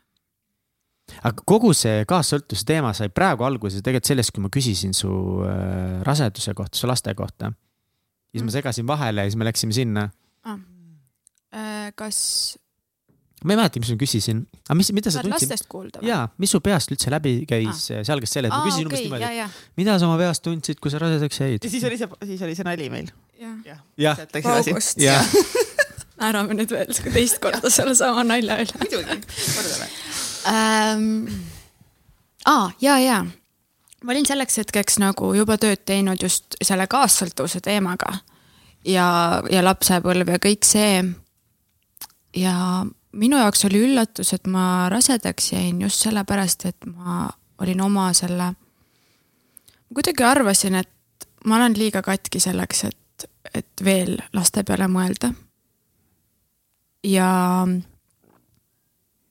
kui sa hakkad nagu mingist otsast minema oma teemadega, siis tekib see teadlikkus, et okei okay,, see asi on hullem, kui ma arvasin.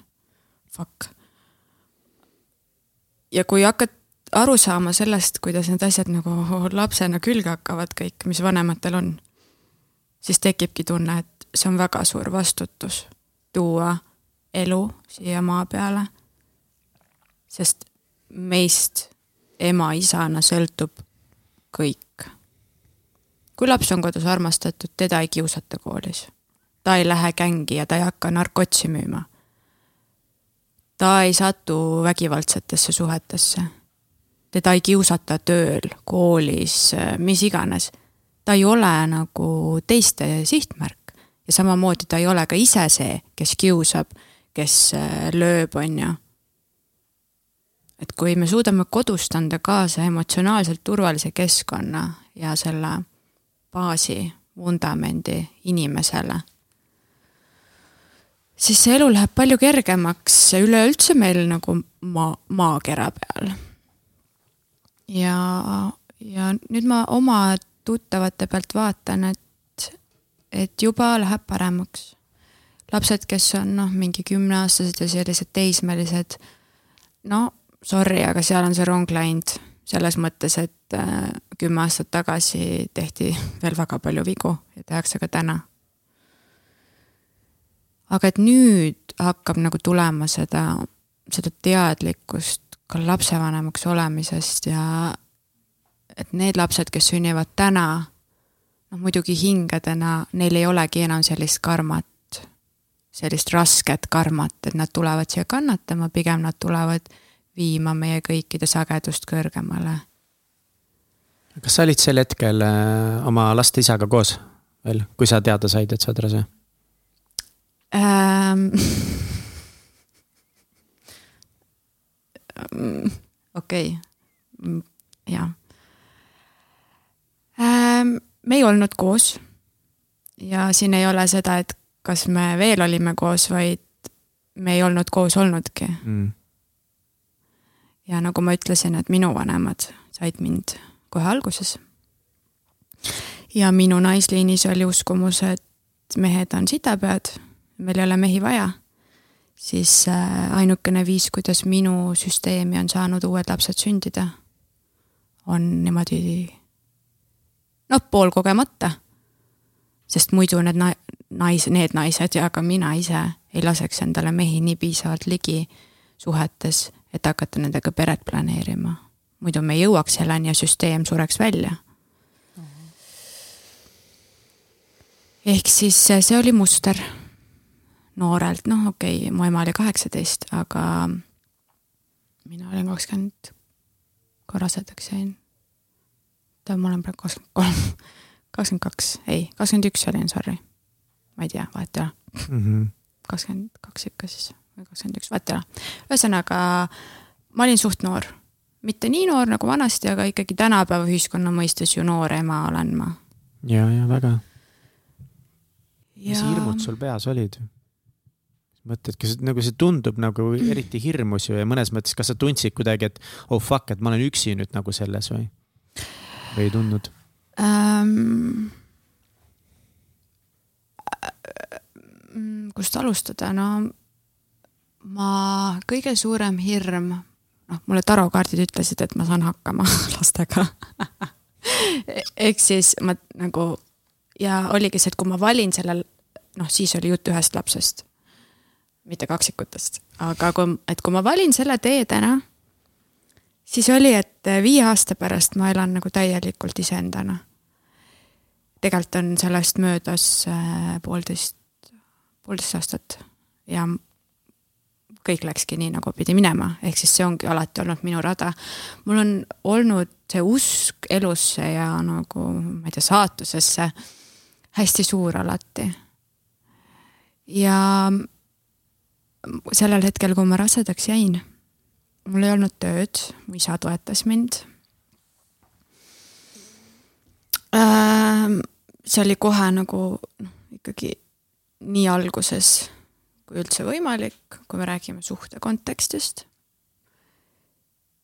ja mul oli kool vaja lõpetada ja ma tundsin ennast hästi üksikuna, sest mu vanematel käivitusid oma hirmud ja see oma mineviku trauma on ju, ja see, kuidas neil läks kõik nii pekki. et noh, siis ikkagi kutsuti perekoosolek kokku, ema-isa, kes muidu ikka väga ühe laua taha ei istu. oi, me istusime siis ja mina seal kaitsesin neile nagu seda case'i, et miks minust peaks saama ema ilma töö, ilma meheta ja see tegi mulle hästi haiget vanemate poolt, et ma justkui tundsin, et ma jäin uuesti sellest toetusest ilma, mida ma olin nagu noh, siis niimoodi teadlikult ehitanud, seda, neid suhteid ja kõike. ja ma ei suhelnud oma emaga mm, me hakkasime suhtlema uuesti alles siis, kui lapsed olid sündinud. tema valu oli seal nii suur ja ta sisendas noh, mulle tugevalt, et oh, see mees jätab sind maha. noh, et ühesõnaga kõik läheb nii, nagu läks temal, on ju et lihtsalt, et see, millest see väljendus nagu see, mis sul haiget tegi, oligi pigem see nagu lihtsalt selline nagu nendepoolne sisendus kõigele sellele, mis võib halvasti siis Just, minna. et nad ei, noh, nemad ei ole mingid spirituaalsed, on ju. kui ma räägin, et issi, see on saatus see on saatus, noh, sellel täpselt samal ajal ma sain nagu ühte maailma suurimasse sadamaehituse ettevõttesse praktikale. See oli siin nagu koolis oli ikka väga suur asi. kõlab nagu super jalg ukse vahel Just. suures maailmas, kuhu sa oled tahtnud minna. ja täpselt samal ajal, kui ma sain teada, et ma olen rase siis oli see, et ma oleks pidanud paari kuu pärast minema sinna Hollandisse. ja siis tuleb koroona tõttu on meil kõik praktikakohad tühistatud. ja sellel hetkel ma enda sees teadsin nii, see kõik läheb nüüd nii, nagu peab minema, ma ei pidanudki minema sinna Hollandisse ja mina, minust saab nüüd ema ja ma lähen seda teist teed ähm,. laste isa selles suhtes, et ma ei ole üksik ema, neil on väga-väga hea isa nende isa on päevi, kus on nendega rohkem kui mina. ja et, et temal oli seal ka oma, oma pereteemad ja kõik see ja ta on väga-väga pühendunult lahendanud neid asju. Et selles suhtes ähm, see muster siin kindlasti ei kordu, et ma ei tea, laps kasvab ilma isa, lapsed, et lapsed kasvavad ilma isa armastuseta või või et nad ei näe oma isa ja, ja kõik see.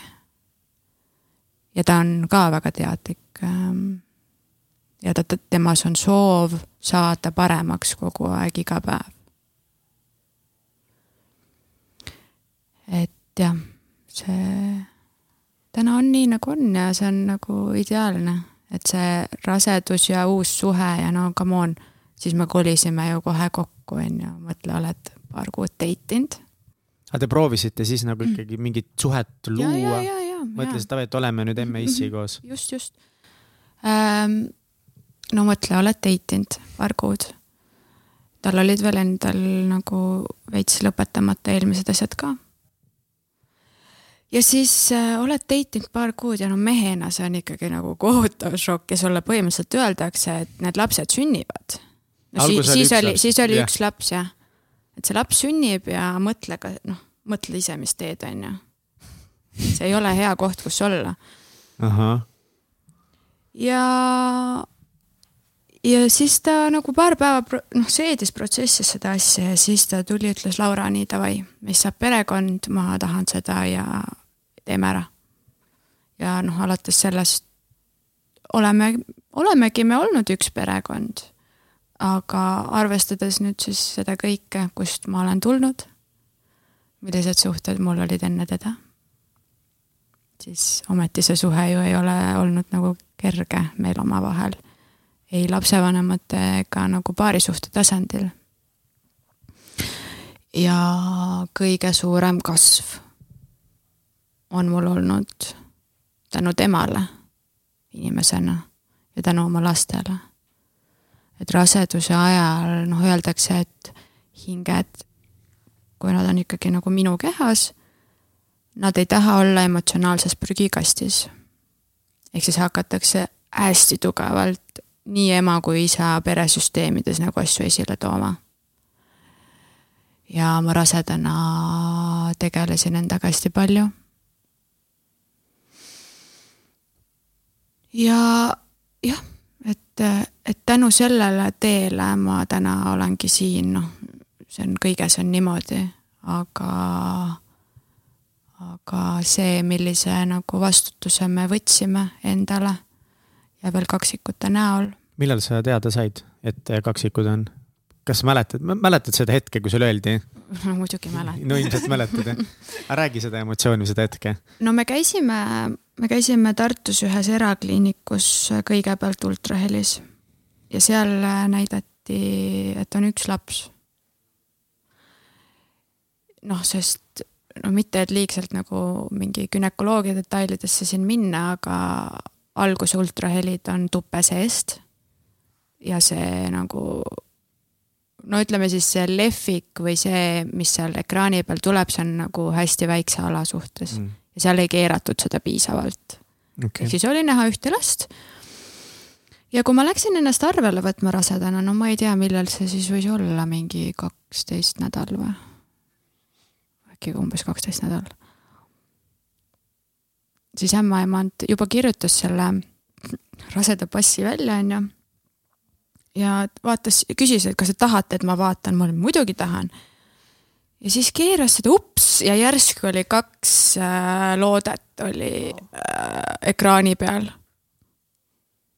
ja noh, mina ah,, mina teadsin kohe, sest kui ma ei, veel ei teadnud, et ma olen rase, siis naistearstil äh, ma olin käinud äh, munasarjadest oli näha, et oli vabanenud kaks munarakku. ja ta ütles, et no kui sa pille ei võta, naistearstid on tihti väga sellised, et kõik peavad pille võtma. kui sa pille ei võta, siis on nüüd küsimus, kas on üks või kaks last. Aga tänu sellele esimesele ultrahelile ma olin täiesti ära unustanud selle, et võivad kaksikud ka olla mm.. ja siis ma, mina teadsin kohe ja noh, siis oli meil mõlemal oli noh, maailma suurim õnn nagu.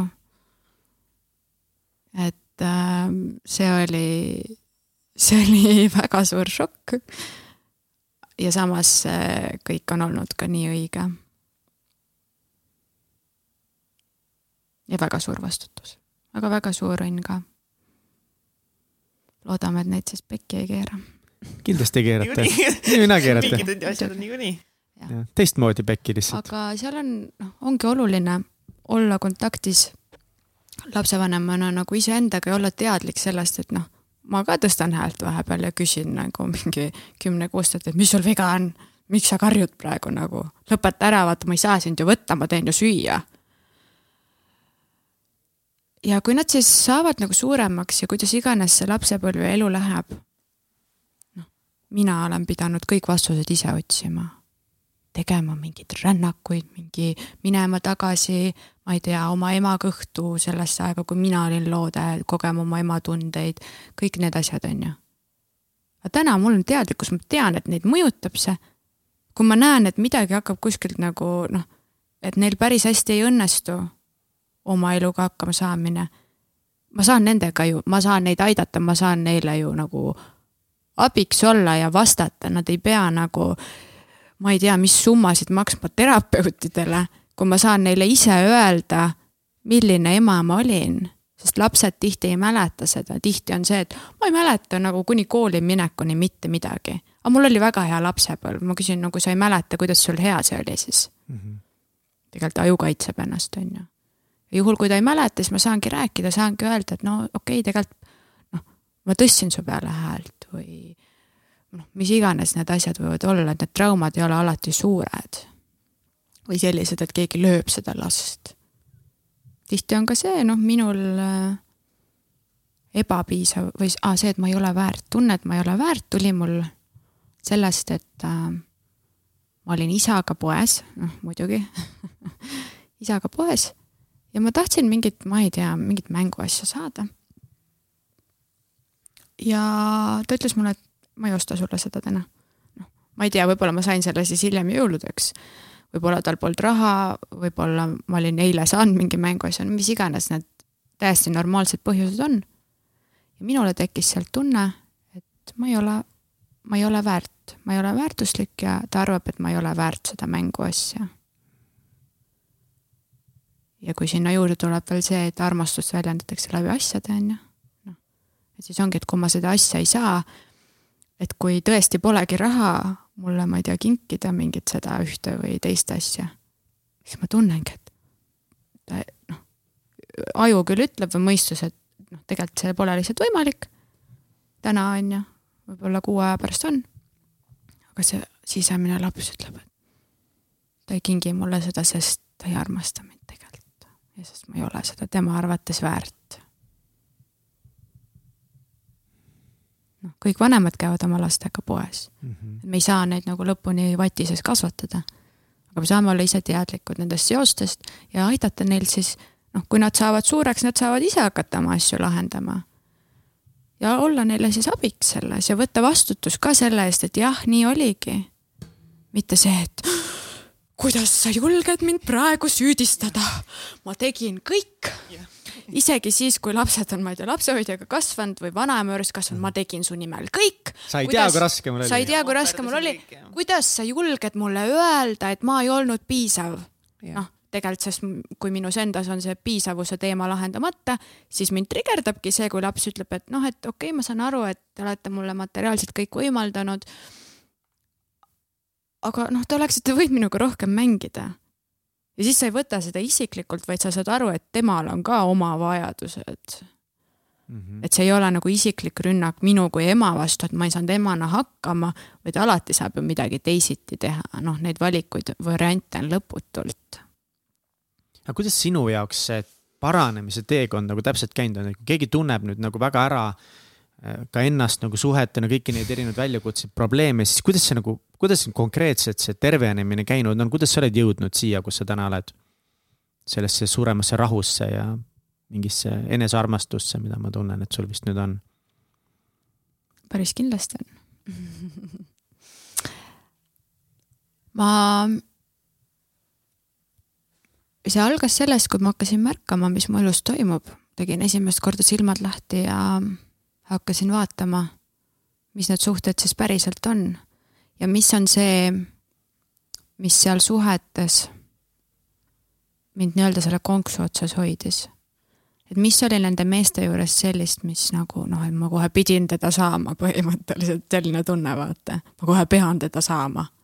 ma pean temaga koos olema. hakkasin hästi palju lugema. täna ma väga palju enam ei loe ähm, aga sellel ajal, kui ma alustasin, ma jah, mul oligi, mul oli hästi järsk lahkuminek, järsku minu kui kaassõltlase jaoks hullult palju vaba aega. me olime enne olnud mingi kakskümmend neli seitse koos põhimõtteliselt. mees oli veel ettevõtja ka, töötas kodust, on ju, no täitsa lõpp. kuul pähe, ajasime nii hulluks üksteist. kogu maailm kaassõltlastel keerleb kellegi teise ümber.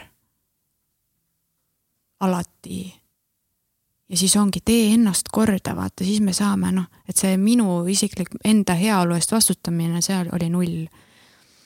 ja siis ma sain hakata nagu mõtlema. hakkasin, okei okay,, no see üks teema, aga üleüldiselt see, et ma hakkasin mõtlema, et noh, see küsimus võib-olla ei ole enda suhtes kõige armastavam, aga sellel ajal ma mõtlesin niimoodi, et mis mul viga on. Mis mul viga on, et nagu sellised mehed, et selline elu, et ma tunnen ennast kogu aeg nii halvasti. see üldine tunne, et isegi kui asjad olid hästi, oli ikka tegelikult halb olla. ja vanematega oli halb, sõbrannadega oli tihti halb. nagu mingi pidev nagu see, mingi asi nagu keeras sees hakkasin mõtlema. mõtlemine on väga hea soovitatav tegevus kui tahad kuhugi jõuda. ja sellest veel parem tegevus on tegelikult tunnetamine. aga noh, sellel ajal ma seda ei teadnud.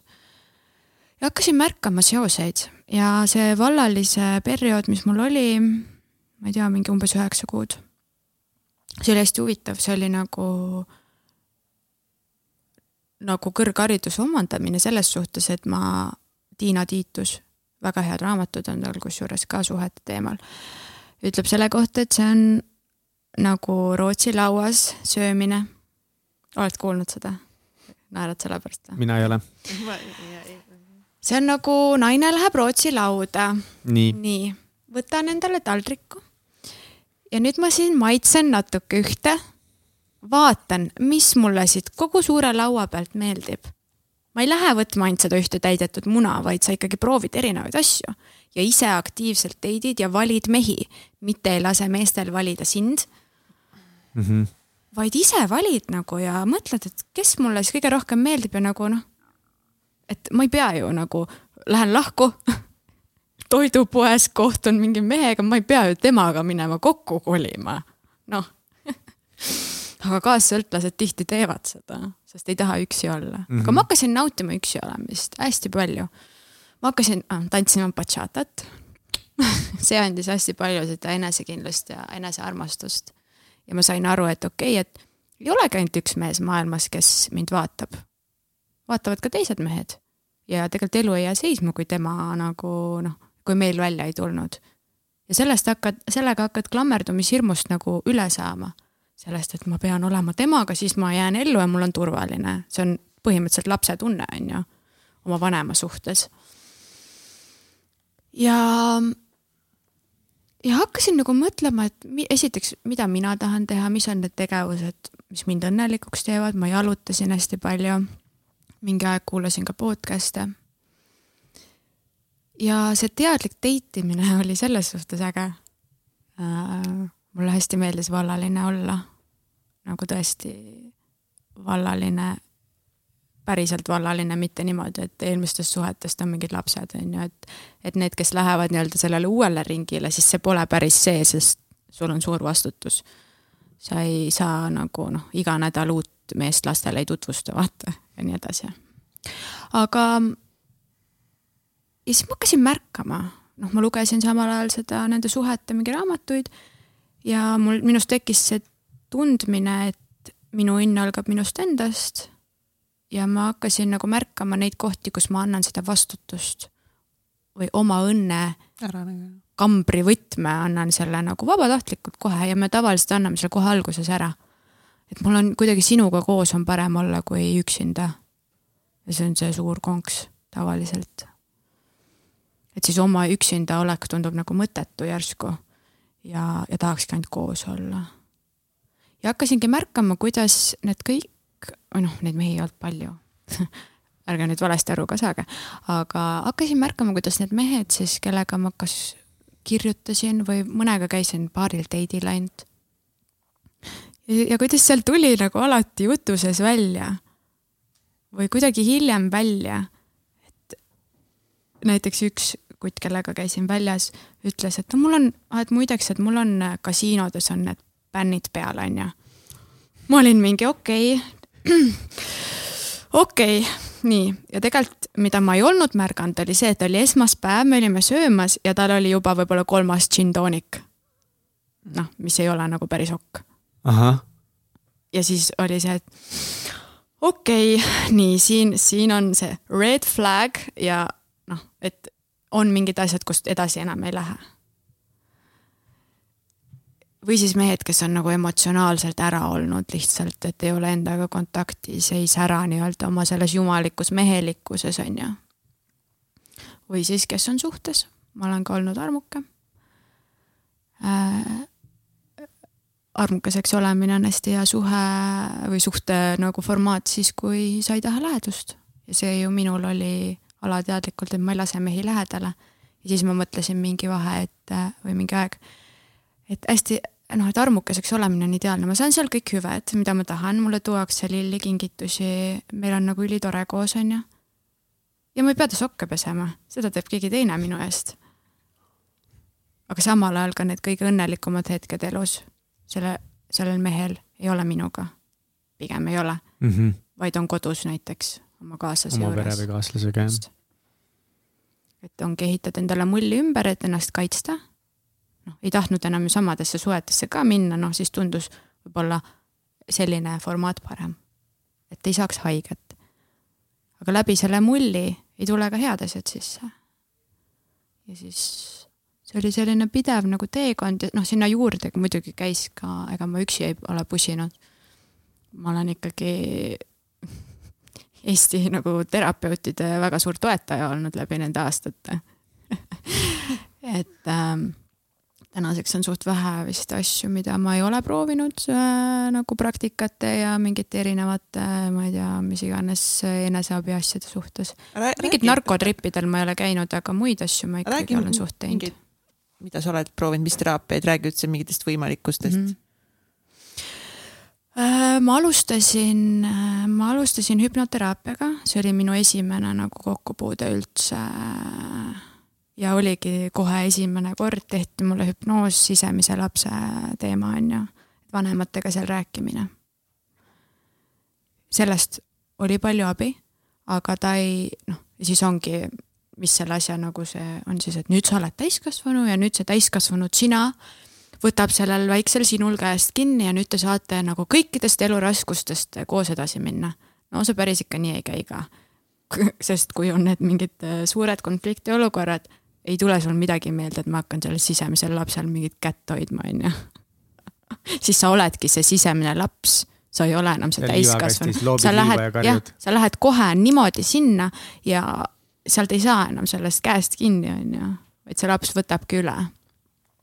aga sellele, aga neid asju tasub teha, sest sealt äh, tavaliselt on see, et kuidas sa ennast, noh, mis on kõige suurem asi, mida sa tunned oma elus, et sind häirib noh, siis on see, et ma tunnen, et ma ei tea, mu partnerid no, kuidagi ei armasta mind, on ju. noh, ja võetakse sealt see emotsioon sellest suhtest, mis täna on, võetakse see ja minnakse selle pealt näiteks, et millal sa esimest korda oma elus tundsid nii. noh, tavaliselt see on üks kuni seitse ja, ja sealt saab siis selle sisemise lapsega nagu tööle asuda. ja sealt tuleb väga palju mõistmisi. Äh, mind on hästi palju aidanud äh, vabastav hingamine mina rasedana ja peale rasedust käisin Pille Tali juures, mitte grupi hingamises, aga eraseansil nagu. et esimene pool oli selline vestlus ja kus ma nagu väljendasin ja kus me koos arutasime, noh, mis toimub elus. ja ta pani kirja seal mingid uskumused, mida oleks vaja vabastada ja siis hakkame hingama, läheb pikali ja siis äh, vabastad neid äh, uskumusi. et see oli hästi hea. mis veel? Äh, kehateemadega ma hakkasin hiljem tegelema, et kuidas neid asju kehast vabastada. aga mm, üldiselt jah, on hüpnoos ja siis vabastav hingamine, millega ma alustasin. siis äh, ma hakkasin käima hästi paljudel koolitustel, kursustel nii noh, näiteks imagoteraapias olen käinud äh, partneriga äh,. Otepääl tehakse imago kursust äh, paaridele, hästi soovitan. Urme Raadik teeb seda. ja noh, podcast'id, raamatud, suhtealased ja siis nüüd mingi viimased viimased, viimased, ma ei tea, aasta ähm,. väga suur abi on olnud äh, Brandon Bay's rännakumeetod, need on need rännakupraktikud, kes nimetavad ennast rännakupraktik. see on nagu, tal on raamat ka, soovitan seda raamatut lugeda. Äh, Brandonil oli kõhus jalgpallisuurune kasvaja. ja ta sai sellest kasvajast oma selle meetodiga lahti, et ta kanaldas selle meetodi. Ja läks arsti juurde ja noh, polnud enam midagi seal üks hetk, hakkas kahanema ja need rännakud, see ei ole ainult see, et lähed kohtud oma sisemise lapsega, hoiad tal käest kinni, vaid see on nagu väga võimas töö.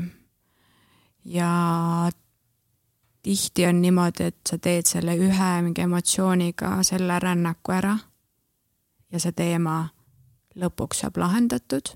Ja mida ma mõtlen lõpuks all, on see, et äh, umbes aastaga kõik rakud meie kehas vahetuvad välja. ja selle rännaku lõpus. tüvirakud vist mitte. okei okay. ma just kellegagi vaidlesin sellest, ma tahtsin teada, kuidas tätoveeringud ei kao ära. siis keegi seletas mulle, ma ei saanud aru. et ähm.... et kui kõik rakud aastaga ah, vahetuvad. et siis selle rännaku lõpus nagu noh, sa oled oma hinge ja oma või noh, allikas allikas, hing, kõik asjad, kes kuidas nimetab, on ju, kõrgem olemus, kõrgem mina. oled selle kohaga kontaktis ja küsid ta käest, et äh, milline mu elu näeb aasta pärast välja. kui nüüd täna see emotsioon või see probleem on lahendatud, milline see aasta pärast on? ja kui sa oled väga raskes kohas, siis see, kui su hing näitab sulle, mis aasta pärast toimub ja kuidas sa ennast aasta pärast tunned, no sellest on ikka väga suur abi ja mis sealt tavaliselt tuleb, ongi harmoonia, kõik need värgid, on ju. et, äh, et seda ma väga soovitan. ja nüüd ma olen, äh, mitte vist päris pool aastat, aga ma olen nagu pidevalt käinud ise teraapias. aga lisaks sellele on Osho aktiivsed meditatsioonid, millest vist siin saadetes on juba juttu olnud palju. aga Mihkel, sa ei ole, sa ei ole tulnud mu tundi jälgid mind küll Instagramis, näed. Like'id, like'id pilte on ju. Like'in su pilte. oota, eh, nüüd, kui sa mainisid Instagrami ja ma siis jälgin. ei oota, ma räägin lõpuni. okei okay,, sorry, davai. ärme hakka rääkima minu Instagramist, jah siis äh, üks asi on äh, noh, need Osho aktiivsed meditatsioonid ja, ja see on praegu nagu ka popiks läinud Eestis, et siin on mitmed, äh, kes sellega on nagu aktiivselt tegelema hakanud ja ja tegelikult ka need toimivad, et Osho on noh, viimane üles tõusnud meister, kes meil on siin maa peal olnud. Neid aktiivseid meditatsioone on kaksteist tükki ja iga meditatsiooni kallal ta töötas aasta aega. kogu see muusika, mis seal on, see on nagu iga noot on välja töötatud. ta on, ma ei tea, mingi kümnete tuhandete inimeste peal neid asju proovinud ja muutnud. ja need ongi mõeldud meile, kes me täna siin oleme, kes me jookseme ringi linna peal, teeme tööd, elame mingit hektilist elu, siis sul ongi vaja sellist meetodit, et Osho dünaamiline meditatsioon. Ma olen seda päris palju viimasel ajal teinud. ja üks tüdruk näiteks oli, ma ei tea, peaaegu kaks nädalat haige ta oli nii palju endal kehasse alla surunud emotsioone, traumasid, mingit kõike, mis ei peaks seal olema. et, et ta peale seda meditatsiooni jäi haigeks, oksendas, palavik, no täis laks nagu. peale ühte meditatsiooni. Et mõtle, kui siis nagu kakskümmend üks päeva teed, siis saabki depressioonist ja ärevushäiretest ka lahti Ehm, ja mida ma veel teen, on ehm, noh, praegu ma olen nagu teemas sellest keha tasandil vabastamisest, sest ma ei teadnud seda varem, muidu ikka tegin oma noh, hinge tasandil neid asju või peas ja lugesin. aga praegu ma olen enda jaoks avastanud ka meermassaaži. Tiit Trofimov teeb väga hästi, soovitan. Shout out to Tiit. jah, tšau Tiit. meermassaaž või? jaa. mis asi? no kuidas kirjutas M-E-R? MR. aa, juba leidsin, massaaž. massaaž vist oskad kirjutada. kusjuures ega väga ei oska, ma olen seda ikka väga palju valesti kirjutanud, olgu mermassaaž. Coca-Cola laks tuleb vahepeal. oi, oi, oi, oi, oi, no see on ikka, mul ei ole kunagi massaažid meeldinud, sest mul on alati hästi valus olnud ja kui ma läksin sinna, siis ma sain teada, miks mul on õlad ja kõik nii pinges. ja mida tehakse, ongi siis sidekude on nagu, nagu ma olen aru saanud äh,, lihaste ja naha vahel siis kude, kuhu me talletame kõik emotsioonid. surume alla ja sealt tulevad blokeeringud kehasse. Et äh, võib teha nagu neid äh, mingeid noh, ma ei tea, vaimsuse tasandil vabastamisi ka ja vabastav hingamine ja kõik see, aga oi no kui Tiit hakkas nagu mind masseerima, siis Läksidki kohe Tiidu, Tiidu juurde, jah? ja, ja mm. oi, oi, oi, no selline tunne, et sured kohe ära, keha nii kinni. füüsilisest valutundest nagu või? ja siis, ja siis no väga valus on. Sind viiakse muidugi lõdvestusseisundisse, kus sa oled avatud ja sa hingad ka seal samal ajal on ju, et see on mõnes mõttes ka vabastav hingamine natuke. ja siis sa hingadki kõike seda valu seal välja oi,, oi-oi nagu selg äh,. süda on ju siin, oled noh, Tiit ütles, Laura, sa oled südame endale siia selja taha ära peitnud, on ju siis kõht, kõht on mega-mega valus olnud, jalad, no põhimõtteliselt kogu keha. ja siis ma mõtlesin, et kus ma elanud olen. nii kaua mingi raamatuid lugenud ja keha on nii kinni. ja, ja oligi, nüüd kui ma, millal ma käisin, eelmine nädal käisin viimati, siis enne seda ma olin käinud oma isa juures. noh, kus ikkagi ma nagu lähen sinna lapse, lapse kohta tagasi enda jaoks ja solvusin ta peale ja surusin selle kõik alla, neelasin alla, onju. mingi pettumus ja kõik asjad, mis seal on ja siis äh, mul jäid lapsed kohe haigeks, nagu mingi kaks nädalat põhimõtteliselt nohus solvumisest. Läksin massaaži ja siis äh, Tiit hakkab nagu selga masseerima ja küsib, Laura, mida sa vahepeal teinud oled, noh, päris hästi oli juba enne. ja, ja käid üks situatsioon ja jälle oli nagu no nii valus. et kui me ei õpi ennast väljendama, siis me tegelikult surume alla. aga oma vanemad on ju kõige keerulisemad inimesed, kellele öelda, et tead, issi, ma praegu tunnen ausalt öeldes seda, vaata mm. -hmm. et see kehatasandi töö on ja, ja, ja olek on läinud kohe nagu vabamaks. et äh, mulle meeldib see holistilisus selle juures, et ongi, et nagu, et ikkagi iga küljega peab lõpuks nagu tegelema, et võib-olla ei, sa ei jõuagi korraga mitte. mm, ei, ei, ongi, et aga ongi, et noh, pea, hinge, hingamise ja kehaga, kõigega tegelikult tuleb tegeleda, et, et me oleme selline holistiline olend Mhm. ju. just nii. Läheks siis nüüd edasi sinna küsimuseni, mis oli sul vahepeal? Instagram. Instagram, sul oli mingi Instagram. aa, see tegelikult on üldse Instagramiga seotud. okei, kusjuures äh, kohe noh, ma tunnetan päris hästi mingeid tulevikuteemasid või et kuhu Nii. ma nagu satun. ja kohe, Mihkel, kui sina hakkasid mind Instagramis jälgima, siis ma teadsin, et ma istun ühel päeval siin. sina veel ei teadnud ma... seda, aga mina teadsin. Või miks sa mind jälgima mina hakkasid? ei usu seda. seepärast, et minu meelest ma hakkasin jälgima enne seda, kui ma saadet tegin. what? ei, ei ole ei, see oli nüüd sügisel. ei. sa hakkasid mind uuesti jälgima sügisel, ma mäletan seda, sest ma olin just aa, võib-olla ma vahepeal unfollow sin sind lihtsalt siis. nagu seda, seda, mis varem toimus seda jaa, ma ei tea. aga kui see Aa. nüüd uuesti tuli okay,, siis ma okei, teadsin, et ma jaa, jaa. istun siin. Davai, võib kui küll kaua olla, sa jah. siis nagu oled sind jälginud või? kaua? ei no tegelikult ma ei tea, kui kaua. või no tähendab nagu, ma ei, ei tegelikult, ei ma tegelikult, ei, üle kolme aasta. ei, ma tean tegelikult täpselt, lihtsalt üks tüüp, kellega sa koos olid, teda ma tean. aga mitte nagu, me ei olnud nagu sõbrad, lihtsalt tuttavana nagu, et me on mingi äh, müügiasjus äh, kokku sattunud ühe kutiga. okei. sealt siis hakkas. no nad on mul peaaegu kõik müügimehed no olnud. ettevõtte müügimehed nagu ja ma ei hakka nagu nimesid siin praegu mainima, pärast ütlen.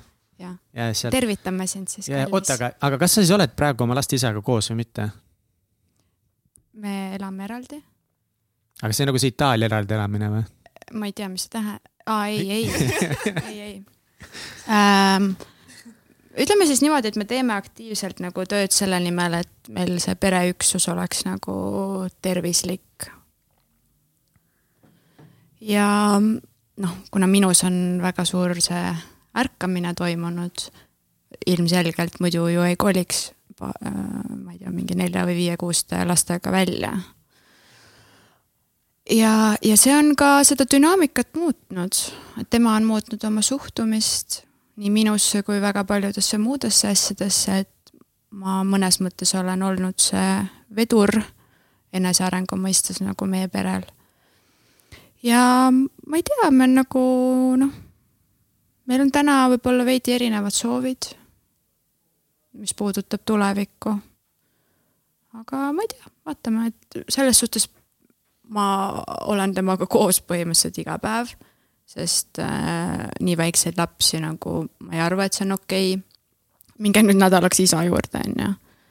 et kui ma olen isegi terve päeva ära olnud, siis nad on kurvad ja nad klammerduvad mu külge, üldse mitte selle sõna halvas tähenduses. Vaid nad igatsevad oma ema, mis on täiesti normaalne. ja neil on isa ka vaja, et see ongi siis nüüd see, et kui suhe, kui suhe ei toimi ja kui oled nagu proovinud neid teraapiaid ja mingeid kõiki asju, siis mingil hetkel tuleb lihtsalt teha valik, et muuta midagi siis nagu suuremat. sest lapsed ju kasvavad. Ja kui me ei taha teha nii, nagu tegid meie vanemad, ehk siis me ei taha karjuda üksteise ees ja kasvatada neid nagu väga pingelises õhkkonnas. sest emana, see käib ka kaassõltuvuse juurde üldiselt, aga tegelikult ka kõige kohta emadusena on see, et kui ma olen väga nagu noh, ükskõik kui sitas suhtes, aga kui mu fookus on pidevalt nendele probleemidele suunatud, siis ma ei ole ju tegelikult oma laste jaoks olemas mm. -hmm. ma ei saa olla nende jaoks olemas, samal ajal kui ma noh, näiteks tülitsesin nende isaga ja minu jaoks on ka olnud see, see vastutuse koht, et ükskõik kui raske see on, siis, siis ma lähen ja ma olen eraldi. ja ma ei ole suhtes nagu, kus noh, mingi jama toimub, sest meil on väiksed inimesed siin, kes mudeldavad meid. ja minu jaoks on palju õn-, olulisem näidata neile seda, et sul on õigus olla õnnelik. sa ei pea kannatama, sa ei pea armastust välja teenima. sa oled vaba ma ei taha neile anda seda rasket, neid raskeid seljakotte kaasa, mida ma olen ise nagu sind tirinud ja mis on mind maadligi tõmmanud. Nemad ei pea tegelema oma vanemate teemadega, nemad ei pea tegelema sellega, et, et neil kõht valutab, sest kodus vanemad tülitsevad.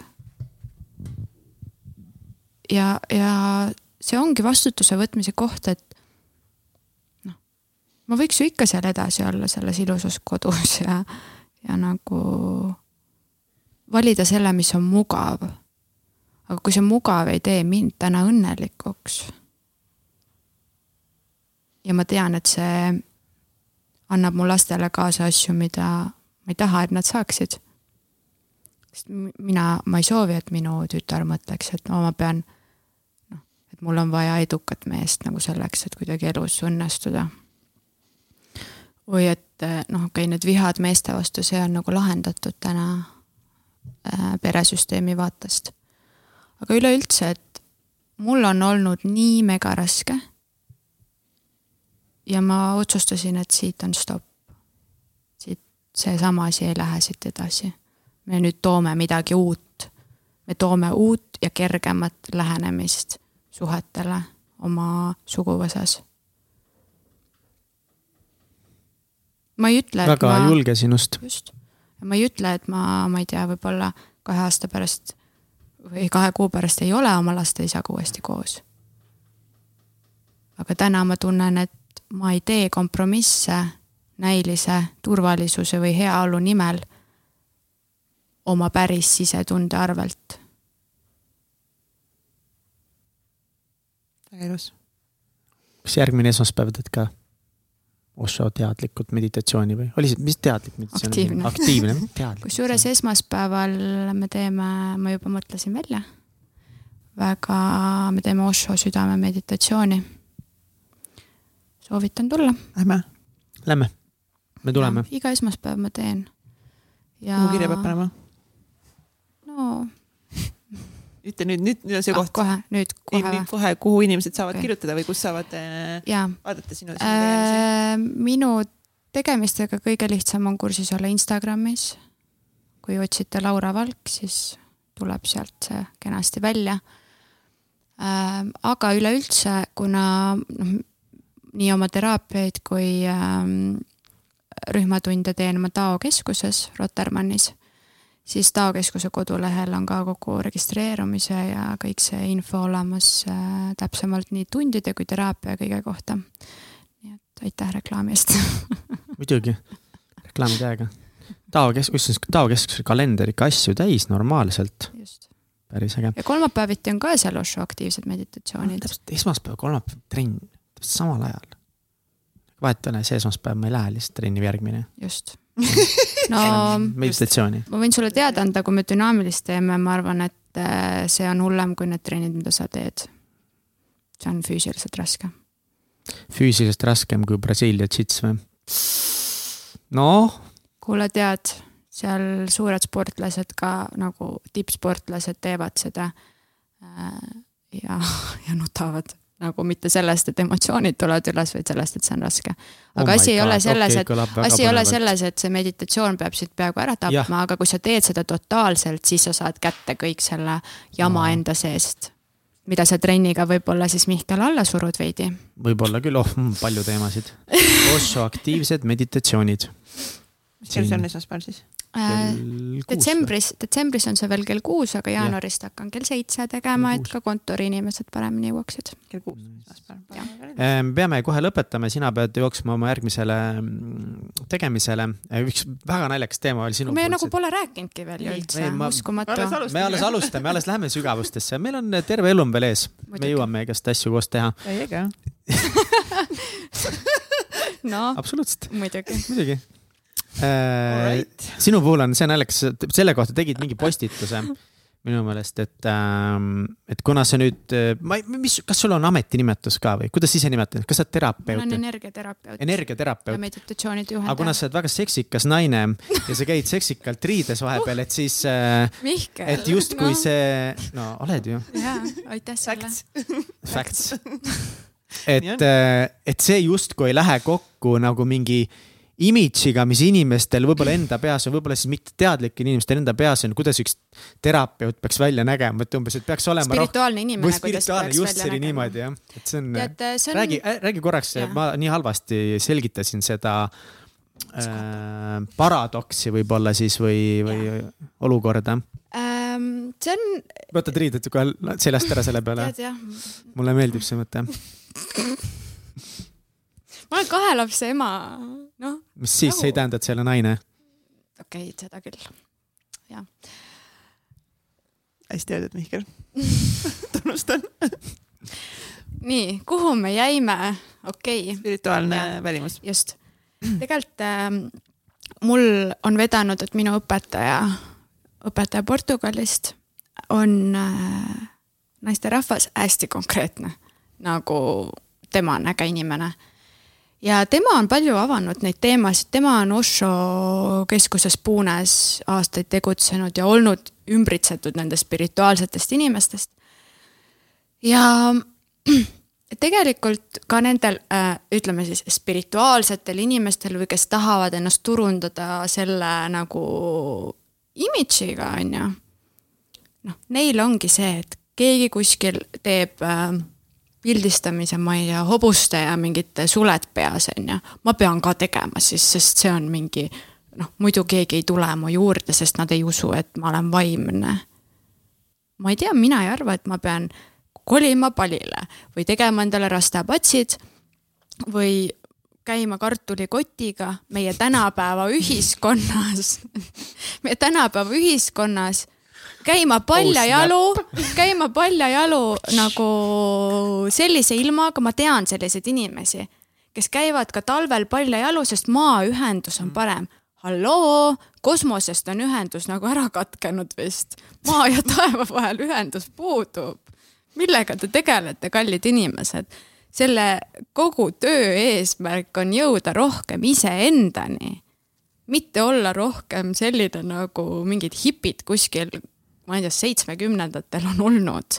ja et siis me võtame malli, et selline ma pean olema või et ma pean tegema LSD rännakuid, muidu ma ei ole spirituaalne.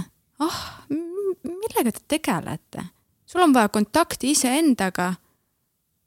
ja sellest piisab et äh, oled, oled spirituaalne mm -hmm. ja siis äh, teed nüüd LSD trippe järsku iga nädal. Siis, siis sa ei ole nagu noh, siis sa pigem oled sõltlane, ma ütleks, mis ei tähenda, et sa ei saa olla spirituaalne. aga see on väga libe tee nagu vajuda nendesse mingitesse asjadesse ära. et äh, vaatame, et me saame nagu oma igapäevaeluga kõigepealt hakkama. ja siis võib-olla selgub, et ei olegi neid rastapatse nagu vaja endale teha no mitte, et mul oleks nende vastu midagi, aga et äh, naised, noh, ma ei tea, mingid nõiad ja kõik teevad neid pildistamisi, et kübarad peas ja mingid kostüümid Sule. ja siis paned endale varese õla peale mingi, ah, mille jaoks nagu, see ei ole mingi kostüümidraama siin, ma tahan teada, kes sa inimesena oled, ma tulen sinu juurde niikuinii energia pärast.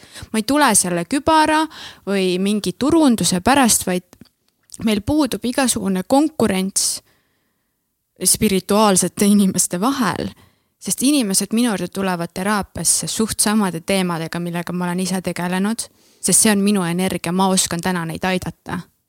et meil on Tao keskuses on kaks korda nädalas need aktiivsed meditatsioonid. Tiit teeb ja mina teen. ja meil ei ole mitte ükski klient kattunud nagu siis nad tulevad energia peale, vahet mm -hmm. ei ole, mis mul seljas on, nad tulevad, sest nad tahavad minu juurde tulla. et oleme rohkem nagu iseendad ja tegeleme vähem, ma ei tea, mingite näitemängude tegemisega, kui ma tahan käia oma käekottidega, jumal küll, las ma käin siis. see ei peegelda mitte midagi sellest, kes ma olen. aga see, mis mul suust välja tuleb ja mis energia mind ümbritseb, noh, see on juba täiesti teine teema jah, aga vahepeal võib-olla on vaja lahti lasta ja panna need rastapatsid endale pähe ja. ma ei tea, kas on. ma ka ei arva, et on. Ma ei tea. ma võiks, äh, ma tahaks minna nagu mingi hästi lihtsat elu elama paariks kuuks kuhugi, siis kui lapsed suuremad on. ja üleüldse arvestades kõike, mis toimub nagu maailmas, siis ma väga unistan või noh, mul on koht täpselt välja valitud Lääne-Virumaal et äh, varsti läheb nagu elu kommuunidesse rohkem.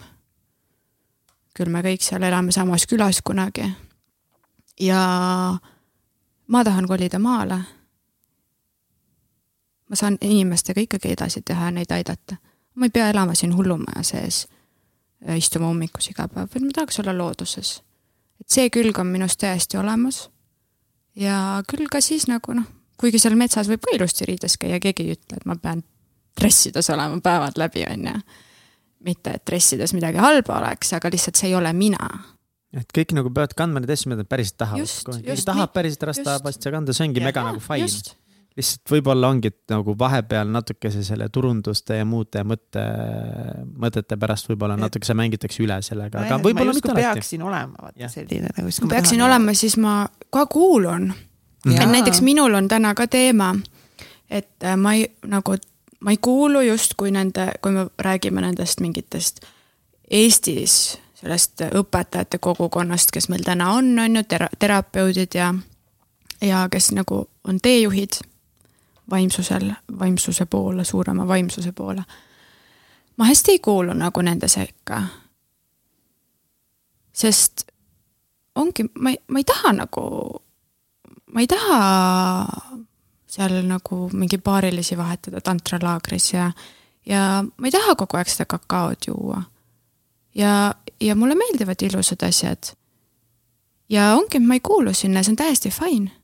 meil on eesmärk on sama ja noh, ma ei tea, mul ei ole kellegi vastu midagi, on ju. aga minu suhtes ollakse mingi eelarvamusega. ja see on täiesti okei okay.. aga see ei ole minu teema. et mina olen mina selle lausega me lõpetame tänase saate. jah, aeg on täis tiksunud. aeg on täis ma pean minema maailma päästma. aitäh sulle, et sa tulid ja mina peale kõigi muude asjade